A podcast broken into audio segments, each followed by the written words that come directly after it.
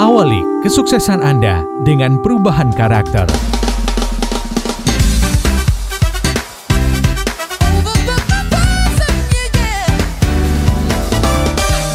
Smart Listener, segera kami hadirkan Smart Character bersama Power Character based on Business Transformation. Power Character bersama Yakub Ezra, Harmoni Ezra, Fernando Conan dan tim. Selamat mengikuti.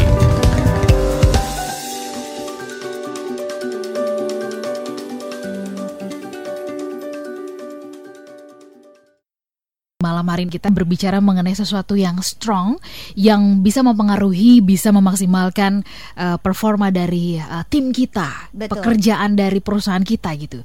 Ini berbicara mengenai leadership ya. Ya. Secara khusus kita akan membahas mengenai empat leadership styles ya, yang bisa memaksimalkan uh, performa dari tim. Tentu saja Mbak Yuni tidak sendirian, nggak rela ya kalau Mbak Yuni itu sendirian, karena ada Pak Anton yang mendampingi dari Power Karakter. Selamat malam Pak Anton.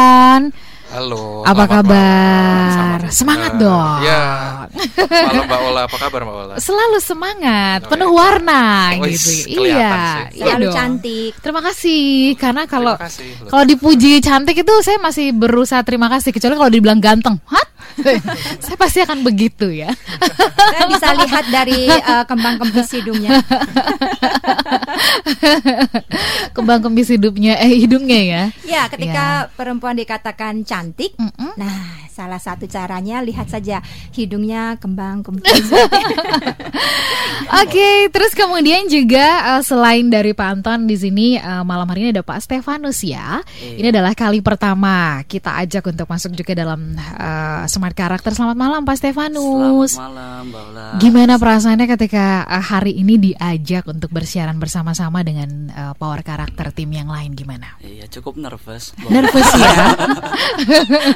Sekarang masih nervous ya? Iya, masih. Masih, sedikit-sedikit. Hawanya dingin tetapi Uh-uh. eh, suasana hangat untuk Iya, dia. jadi eh, dari sisi penampilannya smart listener kalau anda em, ini seperti tokoh film gitu kan, Wow. tapi saya lupa film apa gitu, tapi film kartun gitu ya. dari Sepertinya tuh, sepertinya Apa, apa? itu klakson mobil ya. oh buk- ah, kenapa? Klakson mobil. No, bukan. Tahu, Pak Stefanus saya sedang memikirkan tapi nggak keluar nih. Pak Stefanus kira-kira Kalau saya klakson mobil. Klakson saya mobil. juga mungkin sama kayak Bu Yuni. Banyak yang bilang eh, penampilan saya ini seperti suara Tintin. klakson mobil. Nah, iya. Tintin. Gitu. Oh iya itu maksudnya. Dia ganteng itu satu kayak Tintin dari rambutnya gitu, kan Iya. Tintin kan rambutnya kan dibikin kayak Betul. mohak gitu ya mohak yang nggak jadi kayaknya gitu ya Ah, Tintin and Snowy. Tintin and Ya, Snowy Terus ya. ada Kapten Hadcock. Waduh, hafal bener ini ibu yang Bacaan satu kita. ini ya. Oh, bacaan kita ya. Iya. Oke, smart listener kami mengundang Anda tentunya malam hari ini untuk juga bergabung dalam perbincangan kami selama dua jam ke depan ya. Eh, dan boleh kirimkan tanda tangan ini yang belum kebagian selama ini untuk dianalisa. Betul. Eh, dikirimkan lebih awal supaya nanti Anda juga eh, kebagian untuk dianalisa. Kalau kita bicara soal eh, leadership nih, Mbak Yuni, yang kemudian kita nanti akan analisa dari tanda tangan itu apa ya? Eh, stylenya bisa kelihatan nggak dari tanda tangan? Dari pola pikir, Mm-mm. kemudian bagaimana pola rasa, Oke. kemudian pola komunikasi, Iya.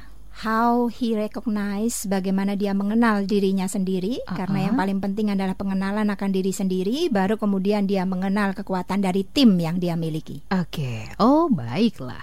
Silakan ya berkesempatan buat Anda semuanya mengirimkan tanda tangan ke 0812 11 12 959. Semoga Anda yang beruntung ya eh, malam hari ini untuk kita analisa. Oke, kita harus awali dulu ini. Em, ini apa yang mendorong malam hari ini untuk mengajak smart listener lagi-lagi kita membahas mengenai uh, topik leadership ya Pak Anton, Pak Stefanus dan juga Mbak Yuni. Hampir di semua lini leadership ini menjadi uh, sorotan ya, sorotan Betul. publik apalagi sekarang uh, ya padahal DKI Jakarta belum pemilihan gubernur tapi masih apa ya masih masih jauh banget tapi udah seru banget nih ngebahas ini. Coba kami dijelaskan dulu nih, silakan latar belakangnya untuk mengangkat ini apa yang menjadi kegelisahan dari tim Power Karakter. Pak Anton atau Bu Yuni yang mengawali Pak silakan. Anton dulu deh. Pak Anton dulu. Kalau Bu Yuni kan udah sering Oke. dengar. Pak Ka- Anton ini Di- mahal. dikasih kesempatan kepada yang muda Pak Anton. Wah, tapi saya muda dipanggilnya Pak loh. Tadi Bu Yuni dipanggilnya Mbak loh. Berarti saya Mas loh. Dia sangat detail itu, sekali. sangat detail. Itu sebenarnya saya ya ya inilah ya Pak sindiran halus lah ya. Aduh, Enggak, enggak. Kalau boros ya ibu boros ya. Saya kalau kepada pria tuh kenapa ya? Kayaknya hal hormat banget gitu loh. Hmm, Ya kan? Karena imam ya. Karena imam. Mm-mm, begitu loh. Oke, kenapa ya ini? Habis kalau dipanggil De Agus, eh De Agus, De Anton kan nggak Agus, mungkin. Waduh. Siapa ya Agus? Itu Agus ya. Selamat Oh malam Pak Agus ya. Siapa pun Monggo. itu, ya. Monggo Anton. Iya, jadi memang kenapa dipilihnya topiknya emang maximizing work performance through karakter ini ya. Sebenarnya biar kita eh, rentetannya biar kelihatan jelas sih. Pertama dulu kan kita membahas tentang self discovery ya kan. Begitu kita kenal tentang diri kita, otomatis kita tahu siapa diri kita, profil diri kita tuh kita kenal gitu. Nah, gimana kita bisa maximizing uh, work performance itu kan pasti kita kerja nggak sendiri toh ya Mbak Ola. Pasti ada rekan-rekan kita juga. Betul. Kita harus kenal diri sendiri dulu Mm-mm. untuk bisa kita mengenal juga gimana sih pola-pola yang tadi disebutkan sama uh, Mbak Yuni. tadi uh, Diperjelas mbaknya ya. iya, Oke, betul. terima Iya. kasih Pak. Iya, intinya adalah kita harus mulai dari diri sendiri dulu. Gimana kita eh, pola rasa kita, pola pikir kita, pola motorik kita sebagai output ya. Istilahnya eh, output kita dari pola pikir dan pola rasa kita tuh jadi motorik, pola komunikasi kita. Kemudian bagaimana kita bisa menggerakkan tim kita. Nah, di situ nanti kita akan bahas tuh. Oke. Intinya gimana kita mengenal diri dan gimana kita mengenal kekuatan dari tim kerja kita Mm-mm. untuk tujuan eh, yang lebih baik dari work performance kita. Mhm. Itu sih. Oke, eh, ini barangkali kalau bicara soal ka, apa namanya leadership ini begitu ya. Ya. Eh, ada nggak sih satu dari nanti kan empat empatnya kan kita bahas begitu ya. Betul, betul. Tapi kalau menurut Mbak Yuni eh, umumnya dalam eh, praktek bisnis gitu ya, Mm-mm. eh, leadership yang seperti apa sebenarnya yang sangat dibutuhkan sebelum nanti satu-satu di, di- dibukakan. Kalau melihat kondisi eh, perekonomian yang seperti sekarang ini begitu ya, Iya. eh, Mbak Yuni dan kemudian tim Power Karakter melihatnya eh, leadership yang seperti apa yang dibutuhkan? Menurut saya leadership yang dibutuhkan karena tema kita malam hari ini how you perform yourself ya. Tetapi karena teamwork kita tidak bisa menunjukkan hanya diri kita saja. I think it has be inside from inside to outside gitu ya. Harus sesuatu yang kita miliki dari dalam kemudian itu spread out, itu terpancar keluar gitu. Nah, hari-hari ini kita sedang membicarakan tentang pemilihan, tadi Kak Ola menyinggung dan lain sebagainya. Maka seorang figur atau seorang pemimpin atau seorang leader yang kita butuhkan adalah seorang yang bukan hanya pandai berbicara, juga bukan seorang yang hanya pandai eh, menebar pesona, juga seorang yang pandai hanya membuat membangun image, tetapi seseorang yang benar memiliki value dalam hidupnya. Di dalam dirinya itu ada sesuatu yang memang akan dia bagikan keluar kepada orang lain.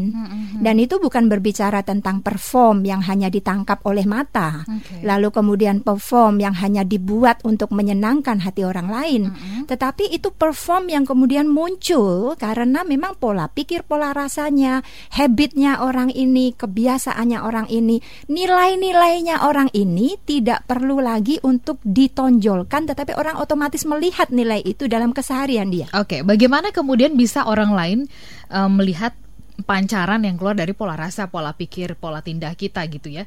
Eh, yang tadi eh, Mbak Yuni katakan bahwa ini nggak perlu dipamer pun udah emang akan dengan sendirinya akan terpancar. Nah, bagaimana supaya itu terpancar dan orang di sekeliling kita bisa merasakan pancaran itu? Nanti Ya. di sesi berikutnya Betul. sekaligus kita buka satu persatu ya smart listener Betul. eh, mengenai eh, style dari leadership ini kami mengundang Anda untuk bergabung. Silahkan kalau menurut Anda, Anda sendiri kalau ini di di kantor atau di perusahaan Anda sebagai seorang pemimpin, kira-kira tipikal leadership Anda seperti apa? Kami tunggu ya di 0812 11 12 959 sekaligus juga dengan tanda tangan Anda.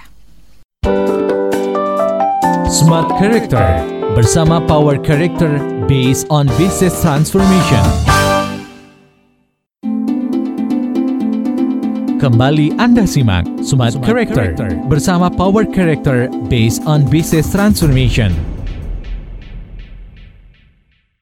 Baik, semua listener kita sambung kembali perbincangan kita malam hari ini sebelum Mbak Yuni, Pak Anton dan juga Pak Stefanus kebagian untuk share ke dengan kita. Saya coba baca dulu dengan uh, saya awali dengan uh, apa namanya? Uh, eh, SMS atau WhatsApp dari Grace di Medan ya. Menurut saya leadership yang ideal itu adalah yang mampu memaksimalkan passion dan talent uh, job position masing-masing staff dan leader. Bisa extend trust untuk decision making pada staffnya sehingga staffnya bisa belajar responsibility.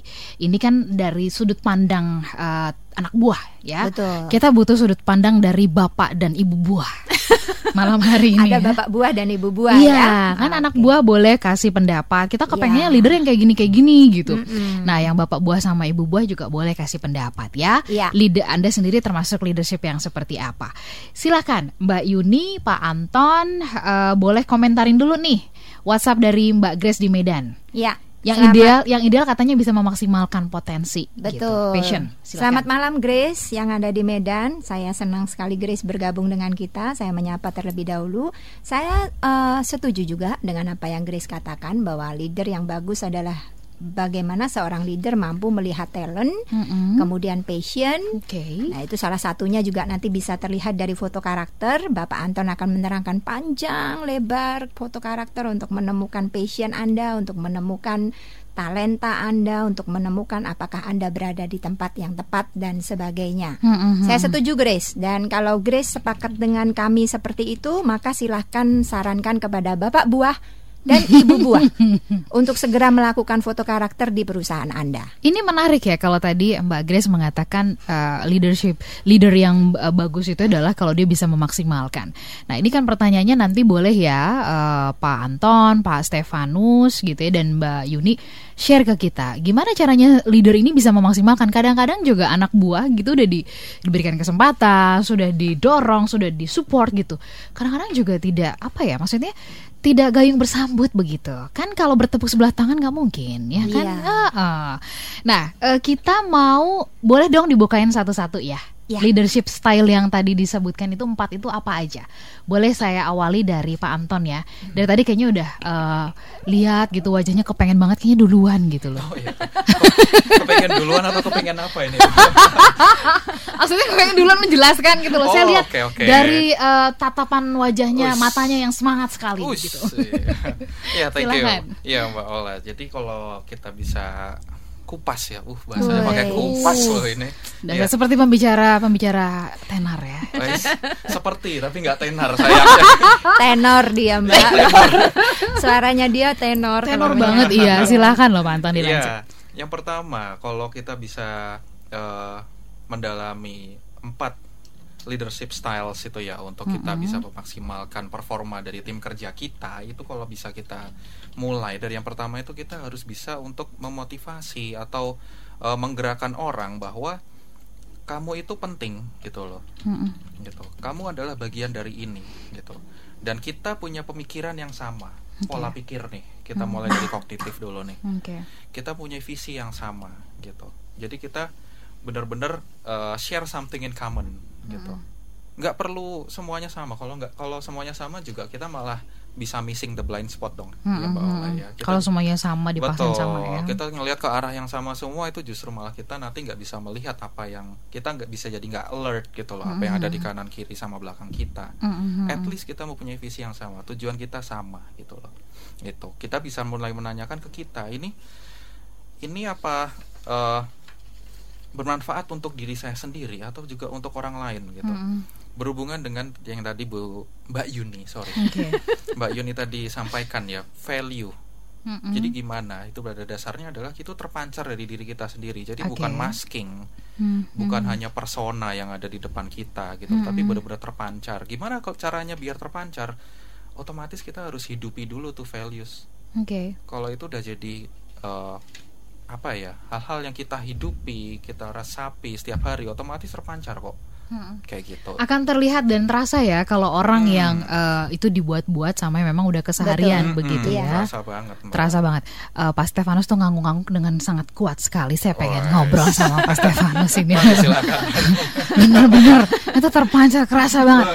Yang Pak Stefanus rasakan tuh kayak apa kalau yang uh, seseorang artinya uh, ketika dia memimpin itu dia buat-buat atau yang dia memang tulus seperti apa versinya Pak Stefanus? Silakan. Sebenarnya kalau dilihat dari boleh lebih dekat dengan Mike ya Iya. sebenarnya kalau dilihat dari eh, tindakan semua terlihat nantinya Mbak Ola. Mm-mm. Jadi ada tuh kadang-kadang beberapa pemimpin yang mereka cuma kayak nyuruh gitu. Jadi Oke. istilahnya eh, mereka omdo, Hmm, ngomong doang. hmm, Jadi hmm. kadang-kadang kalau misalnya dibilang eh, oh ya kamu kerjakan ini, kamu kerjakan itu, Hmm, tapi hmm. dirinya sendiri tidak seperti itu gitu. Nah, Hmm, itu kan hmm. jadi tanda tanya untuk kita yang di Hmm. bawahnya gitu Hmm. misalnya.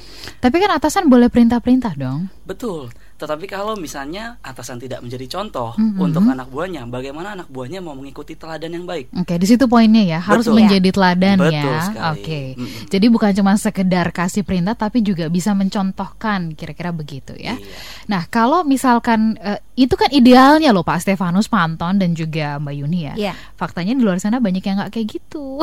Justru itu malam hari ini kami mengencourage smart Mm-mm. listener untuk Mm-mm. bisa seperti itu. Artinya teladan itu akan lebih berbicara dibandingkan dengan perkataan. Hmm. Semakin Anda banyak berbicara tetapi Anda tidak melakukannya, maka tim akan tidak respect dengan apa yang Anda katakan. Hmm, Tetapi hmm, sebaliknya tanpa banyak bicara Anda terlebih dahulu memulainya dan meneladankannya, maka Oke. tim akan kagum dengan apa yang Anda kerjakan. Hmm, baiklah.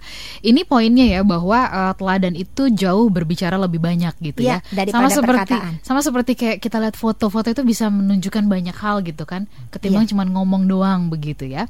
Oke, eh, itu sebabnya makanya ada foto karakter ya di power karakter begitu kan. Betul. Kaitannya dengan foto nih. kan foto itu banyak bicara, menunjukkan diri. So, sebelum lebih lanjut ke ke tipe atau uh, style leadership yang lain, uh, Pak Anton mungkin bisa ceritakan bagaimana foto karakter bisa membantu seseorang memaksimalkan potensi dirinya dan kemudian arah kepemimpinannya. Silahkan. Iya betul. Jadi dari foto karakter itu kita jadi mengenal bahwa pada dasarnya manusia itu mempunyai empat tipe. Gitu. Mm-mm. Bukan berarti kalau memiliki satu tipe yang dominan, terus kemudian tiga-tiganya enggak ada. Oke. Enggak. Kita semua dalam diri kita punya keempat tipe itu. Mm-mm. Hanya yang dominan yang mana? Oke. Seperti itu. Kita bisa melihat ada kuadran eh, mungkin ya kita bagi secara garis besar dulu ada dua macam Mhm. atau mungkin nan- nanti lebih detail ada empat macam. Ada Oke. orang yang orientasinya benar-benar ke tugas, kerja kerja kerja kerja dan kerja. Talentanya Hmm. dia benar-benar untuk eh, optimize di pekerjaan kayak gitu. Oke. Dan kemudian ada yang for, apa eh, apa ya talentanya lebih ke orang, networking, bangun hubungan sama orang, Hmm, nah hmm, gitu. hmm. Dan ada orang yang sangat aktif gitu Mm-mm. duduk lima menit aja udah gatal-gatal mungkin mbak Udah, jadi nggak nggak nggak bisa diem dan dia cepat bosan ada juga orang yang pasif Mm-mm. observer mengamati gitu Mm-mm. kalau datang ke pertemuan duduknya di tengah atau di belakang bukan di Oke. depan kayak gitu kan jadi kelihatan tipe kepemimpinan juga eh, saya pikir terpancar dari situ gitu loh apakah anda memimpin eh, dengan kekuatan di bidang data anda Oke. apakah anda memimpin eh, berdasarkan kekuatan anda dalam menjalin hubungan Mm-mm, jadi mm-mm. sebenarnya ya well it depends on the needs gitu loh kita mau maximizing performance di bidang yang mana Mm-mm. setiap orang punya talenta yang berbeda-beda tentu saja Mm-mm. Ola. Oke. Iya. Eh, ini eh, bukan foto kalau yang eh, sering kali orang pikirkan ini kirim foto selfie atau foto Oh. wajah Ya, kayak minggu gitu ya. lalu ya, kalau ngomong ya Ah, terus make up, make up gitu. siapin Bukan ya, ini kan bagus. barangkali ada yang baru dengar mungkin gitu kan. Jadi Mm-mm. foto karakter yang dimaksud ini adalah memotret eh, apa sisi-sisi terdalam dari kita mulai dari Betul. karakter kita gitu ya. Betul. Kemampuan kita eh, berhubungan, bersosialisasi Mm-mm. dengan eh, orang begitu ya. Tapi kalau ada yang mau ketemu Pak Anton dengan berdandan lebih rapi, cantik bajunya, Tentu sangat cantik, tentu sen- dianjurkan. iya, dia Sangat akan dianjurkan. sangat senang. Ah, saya bisa membaca ini ujungnya ke mana ya Mbak Yuni kan sepertinya awalnya salah karena foto karakter dipikirnya mau difoto Mau kan. difoto, Iya. Nah, jadi orangnya berdandan, Iya. cantik, rapi. Nah, yang begitu akan lebih juga Iya. performanya jadi bagus. Itu juga ya. sangat disukai gitu ya. Ya. lebih disukai. Katanya Kalau kan lamaran kerja gitu ya, Iya. lebih di- berpengalaman lebih disukai. lebih seger. lebih segar ya. Iya. Oke, eh, kemudian ini ada soal eh, apa namanya? Tadi kan eh, Pak Anton mengatakan adalah dimulai dari bertanya kepada diri sendiri gitu ya. Start by asking yourself gitu. Sebenarnya apa sih eh, apa mimpi terbesar buat eh, kita gitu ya? Eh, Kemudian eh, value dalam diri kita dan sebagainya dan sebagainya. Nah, apa itu kan pribadi banget ya. Bagaimana sesuatu yang pribadi itu lalu kemudian kita mintakan supaya orang lain mengikuti follow kita gitu. Kan nilai-nilai setiap orang berbeda-beda, Pak Anton. Betul. Kita kan nggak bisa pertama yang pertama memaksa orang untuk Betul. mengikuti kita tuh nggak Mm, bisa. mm, mm. Apa yang bisa kita lakukan kan kita share ke orang. Mm, mm. Visi kita apa sih? Hmm. Ini. Mm, Ini valuable loh buat ini. mm, Nah, kadang-kadang ada contohnya begini Mbak Ola. mm, Ada orang yang sangat sangat kompetitif gitu, mikirnya ke depan, result oriented sekali. Oke. Ngomongnya tuh belak-belakan. Mm, mm. Wah, semuanya pokoknya langsung diomongin di depan straight gitu, Mm-mm. langsung langsung to the point. Tapi ada juga tipe orang loh yang Mm, mm. eh kalem gitu, Hmm. eh, mengutamakan. Kayak Pak tuh- Anton gitu ya. Oh saya kalem ya, aduh terima kasih loh ya. Aduh, Ya nggak sih Mbak Yuni? Iya Iya. kan? Nah, saya kalem ya, terima kasih. dari keraton soalnya. uh, dari keraton ya. Ha-ha. Aduh, saking kalemnya saya sampai lupa tadi ngomong apa. Oke kita break dulu ya. Maaf loh saya biasa di street gitu kan. Iya ah, betul. gitu. Mumpung lagi Oke. langsung blank dia. Langsung blank ya, right. Kalau yang kayak gitu tuh kalau misalkan eh, pemimpin bicara terus anak buah suka langsung blank gitu tuh apa yang harus dilakukan sih Mbak Yuni?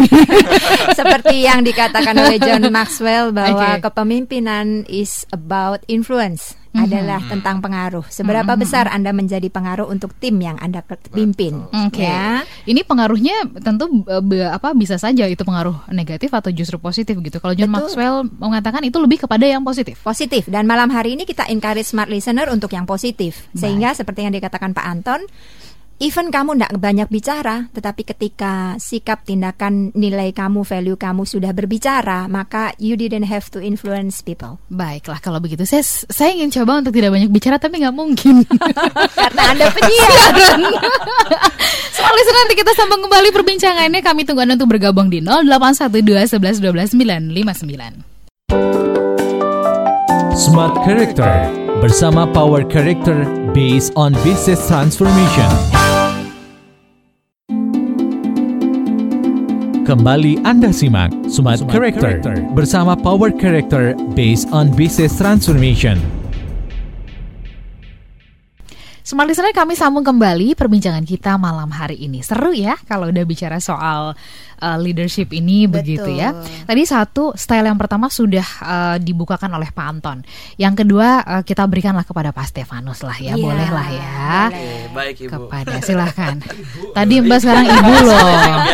Iya, iya. Oke oke, nggak apa-apa berkembang Jangan kok. ya. Bervariasi kalau kalau di studio ini bervariasi. Ada yang panggil saya D, boleh. Mbak boleh gitu ya. Asal jangan yang ti ya. Jangan yang ti, Nah. belum waktunya. Silakan eh, Pak Stefanus. Oke, baik. Jadi yang kedua ini adalah eh, mungkin seperti tadi yang sudah Bapak Anton jelaskan ya. Eh, kita mau supaya orang lain itu juga memiliki visi yang sama seperti yang kita miliki. Mm-mm. Jadi istilahnya untuk yang style kedua ini adalah eh, mereka yang men-share eh, goalnya itu seperti apa. Jadi tujuan besarnya ini apa sih dalam Oke. membentuk suatu tim ini? Kan suatu tim terbentuk harus ada tujuan. Bahwa kalau misalnya tidak ada tujuan maka buat apa ada tim itu? Oke, Gitu. bisa nggak sih kalau seandainya eh, sebentar saya potong Pak Stefanus, ada ada sebuah tim yang tetap bisa hidup eksis gitu ya tanpa mereka tahu tujuan yang mau diraih itu sebenarnya apa? Artinya mengalir saja. Kalaupun ada itu akan eh, apa ya istilahnya ya mereka akan seperti tim yang mengalir saja seperti itu yang go with the flow eh, yang yang tidak ada arah tujuan gitu. Dan mungkin saja tanpa kesatuan visi di antara eh, semua anggotanya tersebut ya tim-tim tersebut fragile istilahnya gampang saja terpecah belah kapan saja itu bisa terjadi Oke. gitu Baik, itu uh, pecah kapan pun bisa terjadi karena rapuh begitu ya. Betul. Akarnya tidak kuat gitu ya. Betul. Begitu ada badai langsung tumbang gitu kan. Betul. Kayaknya Bapak ahli sekali dalam perpohonan ini. Perpohonan saya memang ya, Karena dia- dalam Karena dia real Tintin. real Tintin ya. Real Tin ya. Oke, setelah kemudian uh, ini uh, style yang kedua adalah leadership atau leader yang uh, selalu men-share goalnya gitu ya, mimpi besarnya Ya, itu apa memiliki kepada big picture. big picture ya Ya. kepada uh, timnya gitu. Nah, uh, kapan paling tepat dan bagaimana mengawali uh, untuk bisa menjelaskan ini kepada uh, tim gitu, Pak Stefanus silahkan. Sebenarnya yang bagus adalah di awal. Jadi ketika memang suatu tim ini terbentuk pasti ada suatu tujuan gitu di balik sebuah tim ini terbentuk. Apakah memang karena ada kesamaan hobi atau memang karena ada kesamaan visi di antara semuanya? Yang pastinya itu di awal eh, mungkin contohnya seperti proses rekrutmen ya. Jadi saat di awal itu pasti ada interview kerja. Betul. gitu dan memang pasti akan ditanyakan kamu tujuan kamu apa? Ya. impian kamu apa? Lima tahun ke depan kamu ingin menjadi seperti apa sih? Baik. gitu. Dan itu memang eh, istilahnya gimana ya eh, dari situ kita bisa lihat apakah mereka memiliki visi yang sama dengan perusahaan atau tidak. Hmm, hmm. seperti itu. Dan memang kalau misalnya mereka memiliki eh, visi yang sama gitu Baik. ya kita bisa melakukan perekrutan. Dan memang orang yang tepat pada posisi yang tepat.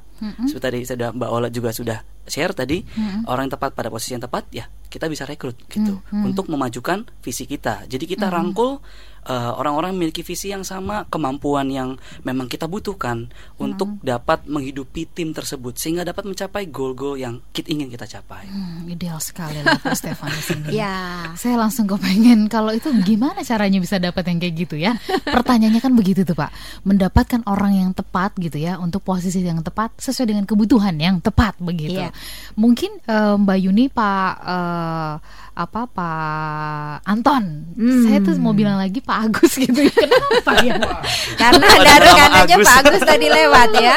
Karena tadi ada Pak Agus teman saya lewat. Pak Anton monggo loh. Gimana caranya kemudian bisa membuat itu tim eh, artinya bisa sama seperti yang ujungnya itu seperti yang tadi Pak, Te- Pak Stefanus katakan. Susah nggak sih memiliki tim dengan kepemimpinan yang seperti itu begitu silakan. Betul. Jadi yang pertama memang kita harus tahu dulu Mm-mm. eh, tim kita tuh seperti apa Oke. dan sebelum kita tahu tim kita seperti apa, tentu saja kita harus menyesuaikan dengan visi kita tuh apa, Mbak Mm, Ola, mm, gitu. mm. Lalu kemudian kita ya kalau kami kami punya kebetulan punya teknologi Ya. eh, yang disebut foto karakter ya. Jadi Oke. kita bisa tahu di situ tiga respon pada saat kita eh, as- di depan orang seperti apa, aslinya kita kayak gimana, tertekan kita seperti apa, kemudian Oke. itu itu nih kenapa disebut foto karakter itu sih, Mbak Ola. Mm-mm. Kalau boleh menyambung tadi ya, udah ingat loh ini gitu. Kalau tadi itu eh, foto karakter kenapa? Ya karena benar-benar memfoto, jadi bukan eh, istilahnya bukan sesuatu yang kita rekayasa atau apa, jadi benar-benar tajam Mm-mm. melihat aslinya kita seperti apa. Terus kemudian eh, pada waktu kita dipuji atau waktu kita, waduh, pressure dari sana sini tuh kita jadi seperti apa. Oke. Dan masking yang kita gunakan, mungkin yang kita gunakan itu pada saat di depan orang kita kayak gimana Iya. itu juga ketahuan Hmm, gitu loh. hmm, hmm. Itu makanya disebut foto karakter. Nah, dengan teknologi ini kan kita tahu nih. Pada saat kita rekrut orang untuk membangun sebuah tim kerja, jadi bisa kita lihat nih kita perlu orang yang seperti apa. Mm-mm. Dari situ kan bisa terpetakan. Jadi kita Oke. tahu nih eh, kita perlu orang yang pola pikirnya kayak gimana sih? Mm-mm. Kita perlu orang yang pola rasanya kayak gimana sih? Oke. Kita perlu orang yang yang cara komunikasinya kayak gimana? Iya, itu iya. jadi kita grup jadi satu, solid lah itu. Hmm. Iya. Seperti Hmm, itu. Oke, silakan, um, Mbak saya Yuni. saya cuman eh, jangan bayangin Pak Anton sambil ngomong nih sambil megang kamera gitu ya. Mm-mm. Enggak ya, enggak Enggak, gitu ya. jangan. Oke. Kecuali ada eh, kamera tersembunyi ya. Iya, dan saya teringat gini kalau Mm-mm. Ada satu film ya yang saya lupa judulnya, tetapi kalau saya ceritakan kepada smart listener mungkin ada yang ingat ya. Oke. Ini film ceritanya tentang eh, peristiwa pembajakan pesawat yang dilakukan oleh narapidana, Mhm, begitu. Ini mhm. eh, pesawat yang apa Pak? Masih ingat ya? Iya. Nah, coba Pak Anton bisa disebutkan apa Pak? Sudah ingat? Oh iya. emang Judulnya apa? Apa yang depannya inisialnya C itu ya, Bu? Iya, apa namanya? Eh, Con Air, Bu ya. Ya, Con Con Air. Air. Terima kasih ya Pak Anton sudah dibantu ya.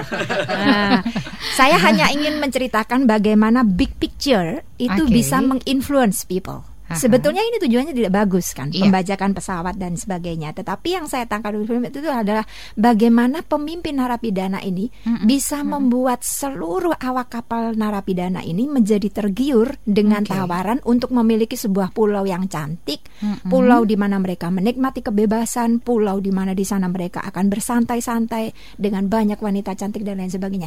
Itu saya angkat untuk memberikan satu gambaran gampangnya bagaimana apabila seorang leader bisa memberikan blueprint, Mhm. memberikan big picture untuk timnya. Oke. Sama seperti ketika kita mau naik pesawat ataupun kita mau naik kendaraan transportasi, maka kita tahu tujuannya ini mau ke mana. Mhm. Kalau kita tidak tahu ke mana tujuannya, kemudian kita tidak bisa memunculkan dream di dalam kepala dan mind mereka, Mhm. maka otomatis mereka tidak akan maximize memakai kompetensinya untuk perusahaan kita. Hmm, baik.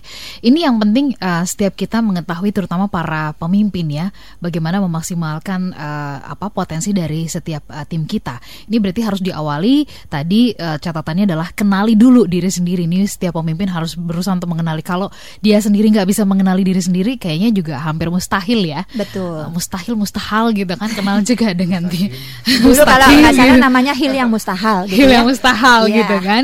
Nah, Mbak Yuni silakan boleh uh, supaya nanti bisa selesai di satu jam ini uh, style dari leadership yang berikutnya apa? Silakan. Tadi satu dan dua sudah yang bisa mengencourage, kemudian yang bisa men-share big picture, ya Iya. kan, goals, uh, visinya dan sebagainya. Silakan. Betul. Yuni, Yang berikutnya adalah kita harus tahu tentang tim layer, Mm-mm, ya tahapan-tahapan di mana ada orang-orang yang menjadi first player, ada orang-orang yang menjadi yang baru hadir dalam perusahaan kita. Oke. Bagaimana orang ini diobservasi, kemudian orang ini diperkenalkan seperti yang Pak Stefanus katakan tadi, bagaimana memberi dream kepada mereka, memberikan tujuan arah ke mana kita pergi. Baik. Selain itu di dalam second layernya kita juga ada bench player Hmm. yang memberikan nilai-nilai kepada organisasi kita, Hmm, ya.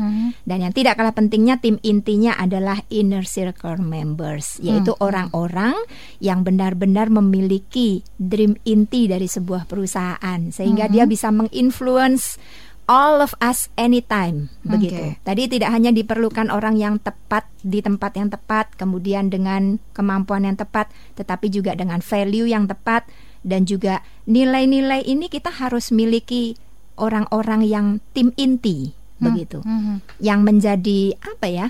penggerak, yang menjadi api, Hmm. yang menjadi Motor. motivator, Oke. yang menjadi motor begitu. hmm. Nah, kalau tadi Kak Ola katakan misalnya bagaimana seandainya hanya mengalir dan seperti begitu saja begitu ya. Mungkin kita bisa katakan ada beberapa perusahaan yang mati segan hidup tak mau. Mm-mm, mm-mm. Karena bergerak juga enggak, mundur juga enggak, jalan di tempat, berusaha mengatasi kesulitan day by day. Mhm. Kenapa itu terjadi? Karena without vision, without goals. Oke, muter-muter di situ aja gitu Betul ya. sekali. Wah, bisa dipastikan kalau kayak gitu energi banyak habis terbuang ya. Betul. Ya, Nah, kalau misalnya Kak Ola ngajak saya naik sepeda, Mm-mm. sudah puter puter puter di Monas terus kemudian saya tanya terus sama Kak Ala kalau ini kita mau ke mana ntar dulu deh puter dulu ya udah energi hampir habis nih berkeringat habis ya kan lama-lama saya taruh udah itu sepeda puter Oke. deh Kak Ola puter sendiri dah Putar saya nggak mau ikut lagi. Nah itu boleh nggak dispesifikasi yang uh, Pak Anton, Pak Stefanus, Mbak Yuni temukan ya Iya. di lapangan? Uh, ciri uh, dengan kepemimpinan yang seperti ini kalau boleh uh, dilihat faktualnya itu kayak apa? Apakah terdi- terdapat banyak friksi kah gitu ya, goal yang tidak tercapai gitu kan, atau mengalami kemunduran dan kemudian uh, lantas penuh dengan uh, apa ya? uh, istilah kerennya curigation gitu loh. curigation. Gimana yang ditemukan oleh Pak Anton, Pak Stefanus di lapangan bertemu dengan uh, perusahaan atau kondisi uh, sebuah tim yang begini? Pak Stefanus, silakan. Ya baik. Ciri-cirinya yang faktual di lapangan Pak Stefanus temukan kayak apa? Oh pengalaman banyak ini orang dua nih di ya kan? aktual. Ini bertemu dengan dengan perusahaan atau tim yang Betul, yang- yang- mereka sering ah, ah. ketemu dengan owner, ketemu Oke. dengan tim player. Gimana Yuk, Pak Stef. Stefanus? Ya memang eh, ibu kalau misalnya dari nyataan faktualnya, Mm-mm. memang eh, kalau misalnya ada terdapat visi dan misi perusahaan yang jelas, gitu ya. Ada yang namanya istilahnya eh, mereka mengikuti SOP yang sudah hmm. mereka buat sendiri okay. gitu ya dan diikuti dengan bukan ada eksepsi tiap kali ada ini oh ada ini ada tamu hmm. spesial segala sesuatunya itu kemudian mereka tidak ikuti gitu nah okay. itu bukan seperti itu jadi yang memang mengikuti SOP-nya itu 100% sama seperti yang tertulis di peraturan hmm. nah uh, ciri-ciri perusahaan seperti itu akan berkembang menjadi perusahaan yang memang uh, semua uh, istilahnya dari atasan sampai bawahan itu semuanya solid hmm bahwa tapi kalau misalnya kita juga ada kita menemukan bahwa uh, ada tuh beberapa memang perusahaan yang tidak mengikuti SOP SOP dilanggar seperti itu dan memang kelihatan berantakan hmm. yang jadinya tadinya uh, satu orang menerima order dari tiga orang yang berbeda itu juga kami temukan dan memang hmm. kenyataannya bahwa tidak terlalu baik ya sistem dan pada akhirnya itu agak berantakan dari secara okay. sistem. Semua orang jadi pemimpin begitu ya. Betul Ibu, Itu yang betul di bawah sekali. bingung sekali tuh. Saya dengerinnya yang mana nih? Iya, iya. Oke, okay, Anda tidak perlu bingung karena Anda sedang mendengarkan kami dan kami beritahukan bahwa kita harus break gitu ya. Saya saja menyampaikan ya kalau kita akan break. Smart listener, Pak Stefanus, Pak Anton dan juga Mbak Yuni sabar nanti kita lanjut ke perbincangannya. Ya. Anda kami nantikan untuk bergabung karena nanti di sesi yang berikutnya kita akan mulai uh, mencicil ya untuk menganalisa tanda tangan Anda. Anda juga boleh pergunakan gunakan kesempatan ini untuk bertanya dengan ketiga narasumber kami. Tetap bersama dengan kami dalam Smart Character. Smart Character bersama Power Character based on business transformation. Kembali Anda simak Smart, Smart Character, Character bersama Power Character based on business transformation. Kita sambung kembali perbincangan kita malam hari ini. Topiknya adalah maximize work performance through character. Tadi sudah ada uh, tiga uh, style leadership ya yang sudah yeah. dibukakan oleh Mbak Yuni, Pak Anton dan juga Pak Stefanus. Yang terakhir ini ya, kita harus tuntaskan supaya nanti kita bisa lebih leluasa menganalisa uh, uh, foto pertanyaan dan juga uh, tanda tangan SMS ya. dan juga WhatsApp. Silakan yang keempat ini uh, boleh uh, Mbak Yuni sekaligus membungkusnya ya. Iya, yang karena rapi memang ya, ini karena memang ini kebetulan yang keempat bidang saya ya. Iya. Communication and good listening itu hmm. sebetulnya benar-benar bidang konseling hmm. karena seorang konselor yang baik dia juga good listener. Okay. Ya, bukan hanya hearing tetapi listening. Saya pernah uh, bawa itu di sini. Hmm. Kita harus listening bukan hearing. Okay. Hearing adalah sambil lalu Anda bisa mendengar suara kicau burung, Anda hmm. bisa mendengar suara kereta lewat, hmm. Anda bisa mendengar suara-suara yang terjadi di sekitar Anda. Okay. Tetapi listening adalah tentang menaruh handphone Anda, menaruh setiap hal aktivitas yang sedang Anda lakukan. Anda tidak hanya mendengarkan si pembicara dengan telinga, tetapi Anda mendengarkannya dengan emosi Anda, dengan hati Anda, dengan seluruh hmm. verbal maupun nonverbal yang Anda miliki. Hmm. Sehingga kalau Anda seorang leader atau seorang pemimpin yang clear communication and good listening, maka Anda akan mengerti apa yang dihadapi oleh karyawan-karyawan, okay. apa yang dihadapi oleh tim player Anda. Hmm. Tidak hanya sekedar memerintah seperti yang dikatakan oleh Pak Stefanus, tetapi Baik. kita juga mengerti kondisi behind the scene mereka. Hmm, hmm, hmm. Tidak banyak pemimpin yang seperti ini, hmm. yang mau mengerti sampai anak kamu sekolahnya gimana, kamu hmm. sudah bayar kontrakan atau belum, hmm. kamu bagaimana kondisinya, katanya kemarin sakit, sakit apa? Hmm. Lalu kemudian kamu sudah ke dokter belum? Dengan BPJS perusahaan apakah terhandle dengan baik? Hmm. Sepertinya itu hanya pertanyaan-pertanyaan yang ringan untuk ditanyakan, tetapi okay. ketika itu dilakukan, hmm. maka tim player kita akan merasa sangat-sangat respectful, dihargai hmm. Dan disayangi. Hmm. Gitu. Ada nggak sih batasannya itu uh, Mbak Yuni ya? Yeah. Uh, tadi yang Mbak Yuni katakan berkaitan dengan clear communication, good listening kan ini juga ada pemimpin-pemimpin yang mengatakan juga perlu menjaga nih, menjaga jarak gitu ya antara dia dengan uh, timnya. Kalau terlalu akrab nanti susah membedakan gitu, nggak bisa uh, ketika mengambil keputusan nggak bisa real, nggak bisa uh, objektif karena ngerasa oh ya kan ini dekat loh gitu. Ini kan yeah. sudah uh, selama ini suka uh, curhat dan sebagainya. Bagaimana memposisikan itu supaya tepat dengan porsinya begitu? Ada bagian-bagian yang namanya uh, awards, rewards, dan punishment. Itu hmm. juga kami pernah angkat di Smart Listener ya. Okay. Award adalah sesuatu yang Anda berikan baik berupa pujian ataupun juga berupa barang-barang yang diberikan. Misalnya orang ini sudah kerja 10 tahun dan lain sebagainya. Hmm. Maka orang ini pantas mendapatkan reward. Tetapi hmm. ketika hmm. orang ini melakukan pekerjaan dengan baik hanya mengatakan, "Wow, Anton, you do a great job." Thank you for that gitu ya. Terima kasih untuk itu. Maka Pak Anton akan mekar nih, Mbak. Hmm. Betul kan Pak Anton ya? Betul sekali Mbak Yuni. Iya.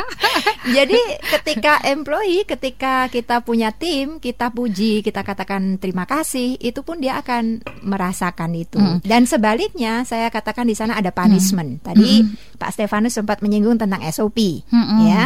Di dalam sebuah perusahaan yang baik, ketika SOP dilaksanakan ataupun job desk dan SOP tidak dilaksanakan dengan baik, maka akan ada SP1, SP2 itu adalah soal punishment.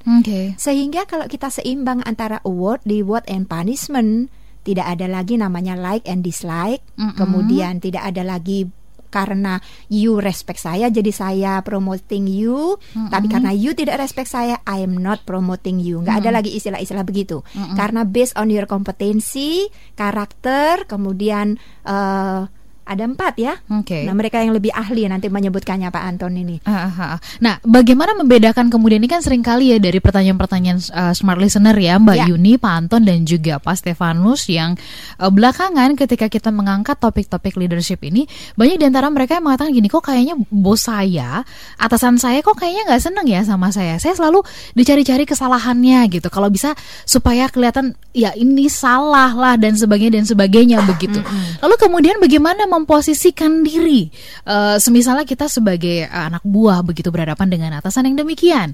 Kan eh, atasan kita punya power bukan? Gitu ya. Kita eh, orang-orang yang yang eh, ya pada saat ini nggak punya gitu powernya itu adalah harus hanya mengerjakan tugas dan bagian kita. Lantas apa yang harus mm, em, diperhatikan dilakukan oleh eh, pa- para tim dengan posisi yang seperti ini Pak Anton silahkan saya nggak nodong kayak Mbak Yuni tadi loh langsung ya ini jadi perlu persiapan kan kelihatannya kalau Pak Anton menjawab ya Ya, dan memang Pak Anton harus begitu, Mbak Ola. Mm-mm, Jadi oke. harus ada cewek cantik yang ngajak. Ya.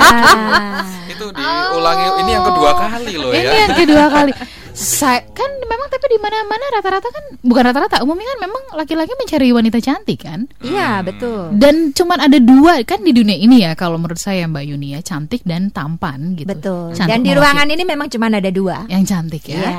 cantik dan tampan Kalau ada tiga bahaya loh di sini.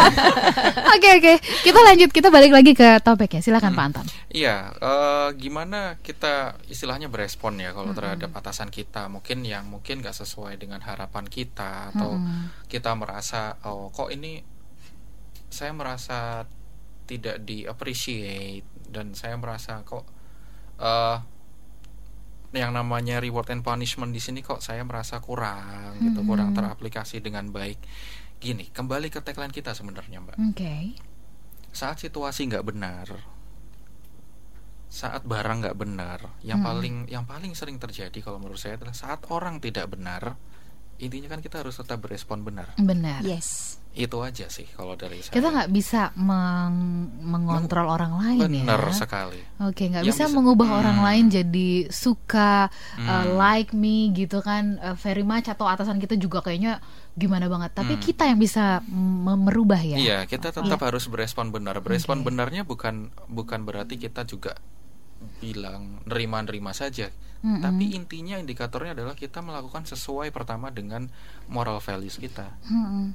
dengan apa yang kita yakini benar, Oke. kita eh, imani itu benar, otomatis itu akan bisa dibilang sebagai berespon benar. Mm-mm. Kita nggak usah repot-repot ngubah orang lain kok, dimulai dari diri kita sendiri dulu aja. Itu poinnya yang sangat menarik sekali. Nggak usah Iya. repot-repot ya mikirin, ih bos gua kok kayak gitu seh, gitu ya. Betul. Nah, Tapi itu harus diawali dari diri kita, begitu Betul, ya. dan ada satu saran yang eh, apa namanya faktual juga, mumpung Pak Anton sama Pak Stefanus ada di sini, beliau-beliau yang adalah pakar-pakarnya foto karakter, begitu ya. Nah, untuk sebuah perusahaan kami sarankan ada sebuah sistem Kak Ola. Hmm, hmm. Itu tadi yang kami katakan sistem 10 eh, HRCM ya, 10 HRCM yang mereka miliki untuk sebuah perusahaan sehingga terhindarkan yang tadi itu. 10 Suka. HRCM. Ya, Oke. ada suka tidak suka, kemudian eh, cantik tidak cantik. Kalau penilaiannya hanya berdasarkan itu, maka sangat-sangat tipis dan tidak fundamental. Kalau penilaian ya. itu saya takutnya nggak termasuk gitu. Tetapi ya seperti saya katakan tadi penilaiannya adalah berdasarkan karakter, Karakter, kompetensi, kompetensi. komitmennya bagaimana, kontribusinya bagaimana. Baik. Nah, tim-tim kami ini yang pakar-pakar dan handal-handal Oke. ini siap untuk membantu sistem sebuah perusahaan untuk lebih profesional. Baik, boleh kali dicicil ya 10 tadi itu apa aja secara lebih detail gitu. Ya. Secara cepat saja mungkin boleh Pak Anton dan kemudian eh, Pak Stefanus boleh eh, lima lima lah ya. Saya bagi lima rata lima gitu ya. kan. Ha-ha. Anda seorang ibu yang baik ya, meratakan pendapatan anak-anak ya. Iya. Jadi Silakan, Pak. hmm, kalau kita ingin jabarkan di sini sebenarnya itu akan wah itu bisa dalam waktu Panjang. panjang Mm-mm, sekali ya mm-mm. Mbak Ola. Cuma yang penting adalah kita harus tahu gitu loh. Siapa yang visi misi kita yang pernah di-share sama Bu Golda dulu sebelumnya juga pada waktu sesi eh, smart character juga ya. Mm-mm. Kita harus tahu siapa sih orang yang harus kita rekrut. Tipe appraisal macam apa sih? Seperti itu dan masih banyak macam-macamnya. Mm-mm. Kalau untuk lebih eh, kita bisa lebih applicable di sini di sesi ini sebenarnya lebih ke gimana eh, kita mengenal diri diri sendiri dulu, Mhm. lalu kita mengenal eh, tim kerja kita tuh seperti apa. Oke. Biar kita komunikasinya efektif, efisien, otomatis goal kita juga Mhm. eh, lebih lebih gampang tercapai. Baik, saya potong. 10 tadi sudah sempat disebutkan oleh Mbak Yuni. Pasti smart listener menunggu-nunggu nih. Poin-poin besar dari 10 tadi itu apa Iya. gitu ya. Sekalipun mungkin kita tidak bisa menjelaskan secara tuntas malam hari ini nggak apa-apa. judul-judulnya aja Judul-judulnya ya. saja, poin-poinnya Oke. begitu. Silakan. Judulnya, judul-judul. Pak Stefanus, silakan. Iya ibu. Iya. Sebenarnya Mbak Ola gini, eh, kalau misalnya melihat dari eh, sistem dalam human resource itu ada lima bagian besar. Memang Oke. eh, apa namanya untuk sepuluhnya ini mungkin eh, per besaran lagi dari kelima bagian besar ini. Mhm. Yang pertama itu tadi sudah disebutkan Pak Anton, rekrutmen. Itu Rekrutmen. adalah bagian yang paling utama. Hmm. Ya, sebenarnya itu bagian yang paling penting ya dari uh, semuanya. Kemudian uh, ada juga yang kita kenal dengan namanya industrial relation. Mm-mm. Bagaimana kita menjalin hubungan dengan para pekerja kita. Oke. Nah, seperti itu. Kemudian ada uh, yang seperti tadi appraisal and benefit, compensation and benefit bisa disingkat dengan komben kita Mhm. sebutnya Mhm. dalam dunia HR. Mhm. Ya, Uh, jadi bagaimana uh, untuk uh, posisi seperti ini gajinya harus seperti apa, Oke. benefit apa yang harus ditawarkan. Mhm. Nah, kemudian mungkin ada juga bidang training Mhm. seperti itu.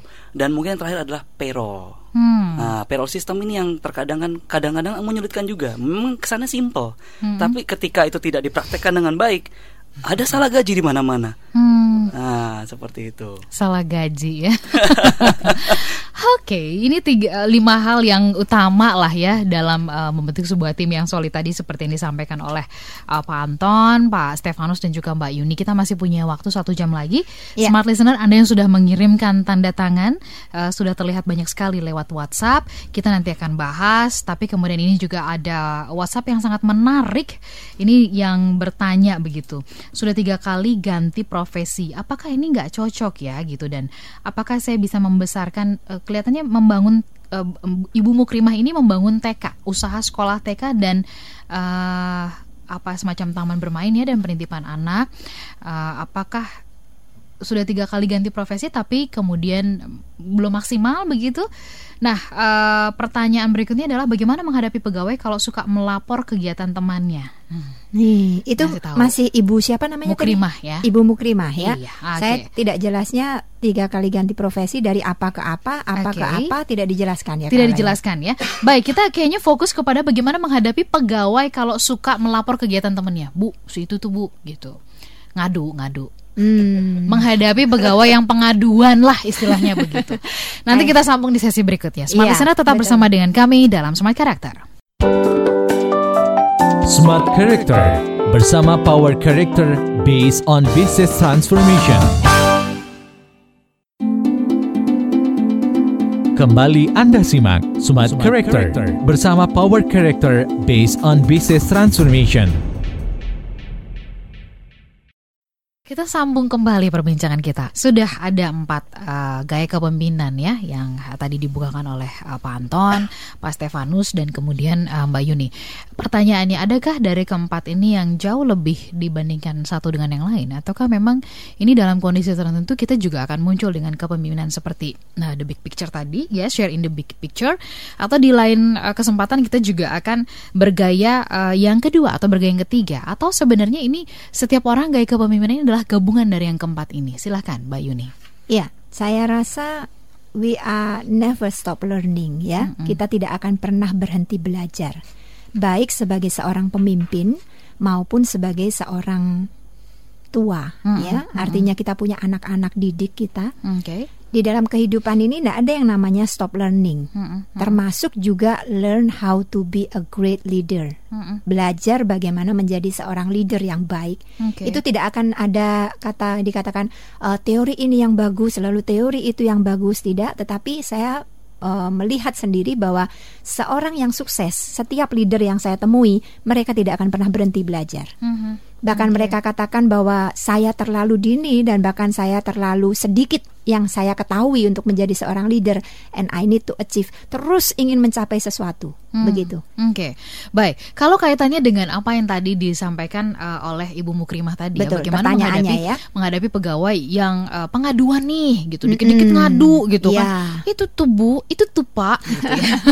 baik, selamat malam Ibu gimana, Mukrimah. Iya, gimana komentar di... dari uh, Bapak Ibu sekalian? Iya, yang ada di mana tadi? Kak yang ada di rumahnya. Iya di rumahnya tidak disebutkan kotanya iya, ya. Oke, Ibu Mukrimah selamat malam. Iya, saya mewakili. Jawabannya bagus eh, banget enggak, ya. Tapi bisa jadi mungkin lagi di rumah teman sih. Iya, jadi. terus Atau jawabannya saya lagi di sekolah TK saya loh Mbak Ola, belum pulang. Gimana? Okay. Yo lagi lembur lagi gitu lembur. kan. Monggo Bu. Ibu saya mengajak Ibu untuk melihat talenta ya, karena malam hari ini uh, kita membahas tentang talenta, uh, kelebihan-kelebihan yang dimiliki oleh seseorang. Mm -hmm. Nah, ketika kita memiliki karyawan yang sukanya uh, lapor mm-hmm. itu sebetulnya saya mengajak ibu untuk melihat sebetulnya orang ini bertalenta okay. ya ada orang yang diberi karunia oleh Tuhan untuk dia bisa berbicara banyak dan meyakinkan mm-hmm. namanya persuasif and komunikatif okay. ya ketika orang ini punya kelebihan namanya persuasif and komunikatif tinggal dua saja ibu mm-hmm. dia mau pakai untuk hal yang positif atau dia pakai untuk hal yang negatif mm-hmm. nah itu dia harus berada di dalam mainstreamnya di dalam jalurnya di dalam garis yang Tuhan tetapkan untuk dia sebetulnya menjadi contoh dan berkat untuk orang lain. Hmm. Tetapi kalau dia meleset dari mainstream, maka orang yang persuasif ini bisa jadi motivator, tetapi kalau negatif dia menjadi provokator. Hmm. Seperti itu. Hmm. Jadi tugas ibu adalah seperti seorang ibu yang mengelus anaknya dan mengatakan bahwa, "Nak, kamu itu banyak sekali talentanya." Salah satunya adalah kamu berhasil meyakinkan saya mm-hmm. tentang kekurangan orang lain.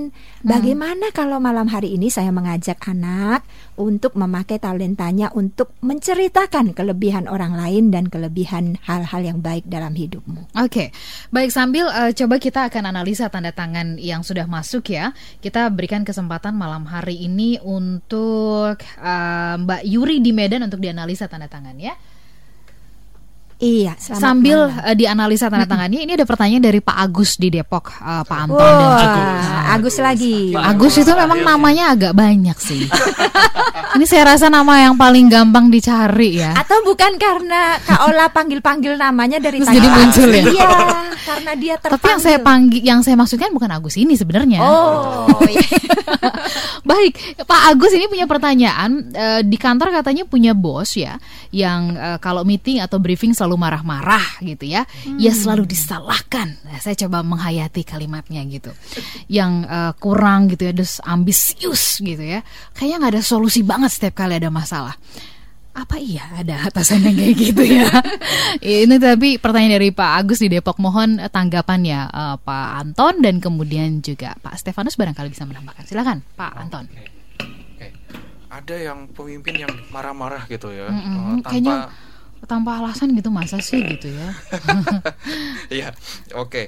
itu sebenarnya bisa dilihat juga gitu loh hmm. apakah dia marah-marahnya itu bener-bener pure atau memang uh, ada sesuatu yang lain di balik itu gitu. Mm-mm. Apakah beralasan? Pertama itu. Kita coba lihat pertama kalau dalam dunia pekerjaan yang berolah ya, kita harus bisa membedakan mana yang itu personally, Mm-mm. mana yang itu pure professionality. Oke. Seperti itu. Mm-mm. Karena well, somehow di dunia kerja kita pasti dealing with a lot of people dong ya. Mm-mm. Nah, kalau kita semua take it personally, aduh kok rasanya kok kita jadi orang yang insecure sekali gitu loh. Mhm. Pertama dilihat dulu apakah memang dia marah-marah itu ada dasarnya dan segala macam. Apakah memang maksudnya dia marah atau mungkin maksudnya dia motivating Mm-mm. atau maksudnya dia evaluating, correcting gitu loh. Mm-mm. Nah, gitu. Perlu kita dalami lebih lebih lebih eh, seksama sih. Mm-mm. Yang pertama kita ngevaluasi orang juga jangan terus subjektif ya. Oke. Kita harus lihat dulu gitu loh. Mhm. Siapa tahu kita sendiri yang sebenarnya emosional gitu. Mm-mm. Kalau kita emosional terus ngelihat orang semua marah-marah. Mhm. Padahal itu benernya pure dia itu eh, ingin menunjukkan ini loh. Contohnya ini loh salahnya di sini. Miss kita di sini. Kemudian kita bisa lakukan apa di sini? Tanpa solusi. Mungkin ada yang seperti itu ya Mbak Ola ya. Ada yang mungkin eh, tanpa solusi yang akhirnya mungkin ujung-ujungnya blaming ya. Mm-mm. Eh, pointing fingers gitu. Nunjukin ke Iya. nunjukin nunjukin eh, apa ya? nunjukin ke orang bahwa memang eh, tidak well that's me gitu loh. Saya saya adalah eh, I'm a leader gitu loh. Mm-mm. Saya tidak bisa disalahkan. Oke. Hmm. Itu ada yang seperti itu. Kan ada peraturannya tuh katanya. Kalau atasan Peraturan salah, pertama, peraturan Pasal satu, pertama, pasal dua ya? iya. atasan Atasan selalu tidak benar. pernah salah, selalu benar. Hmm. Kalau sampai terjadi kesalahan gitu kan, kembali ke pasal pertama. Waduh, itu itu bisa kembali lagi sebenarnya ke leadership ke yang eh, tipe yang keempat sebenarnya yang tadi disampaikan oleh eh, Mbak Bu Yuni ya. Mm, Iya. com- Dari sisi komunikasi. clear communication and good listening gitu. Mm-mm, mm-mm.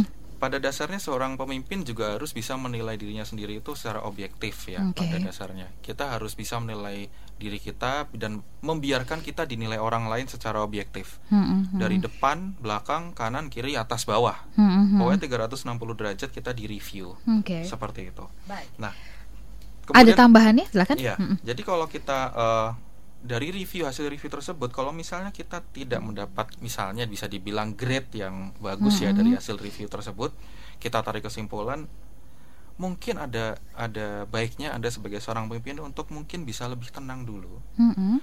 quiet down sebentar, Oke. kemudian belajar untuk mendengar, Mm-mm, mm-mm, seperti itu. mm. Mungkin waktunya anda untuk mendengar daripada anda menuntut untuk didengar, Hmm, seperti itu. oke. Jadi emang harus balance. Jadi sekali-sekali emang eh, mendengar aja gitu karena ngomong terus juga capek loh. Iya Tapi kan? ada orang yang diberi karunia enggak capek ngomong. Jangan merasa dong. enggak. Enggak ya. Enggak dong, enggak dong. gitu ya. Baiklah, Mbak Yuri sabar ya. Nanti kita akan eh, sambung perbincangannya di sesi berikutnya. Begitu juga dengan eh, Pak Jovi, kemudian juga Ibu Ratna yang lain nanti di sesi berikutnya kita akan bahas tanda tangan Anda. Kami kembali sesaat lagi. Smart Character bersama Power Character based on Business Transformation. Kembali Anda simak Smart, Character, bersama Power Character based on Business Transformation. Smart Listener kita sambung kembali sebelum kita jawab pertanyaan yang berikutnya eh, kesempatan Mbak Yudi di Medan ya untuk dianalisa eh, tanda tangannya berkaitan dengan pola rasa, pola pikir, pola tindak dengan eh, topik kita ya kaitannya Ya, dengan topik kita. style ya. Silakan. Selamat malam Mbak Yuri yang ada di Medan dan menyapa Anda yang di Medan saya teringat juga dengan tim leadership yang ada di Manado, Agustina, Ponglimbong dan kawan-kawan Agus lagi ya? biasa. Ya, Agus lagi. Tapi dia ada tinanya jadi Agustina. nah, mereka adalah eh, youth yang luar biasa di Manado ya. Selamat malam.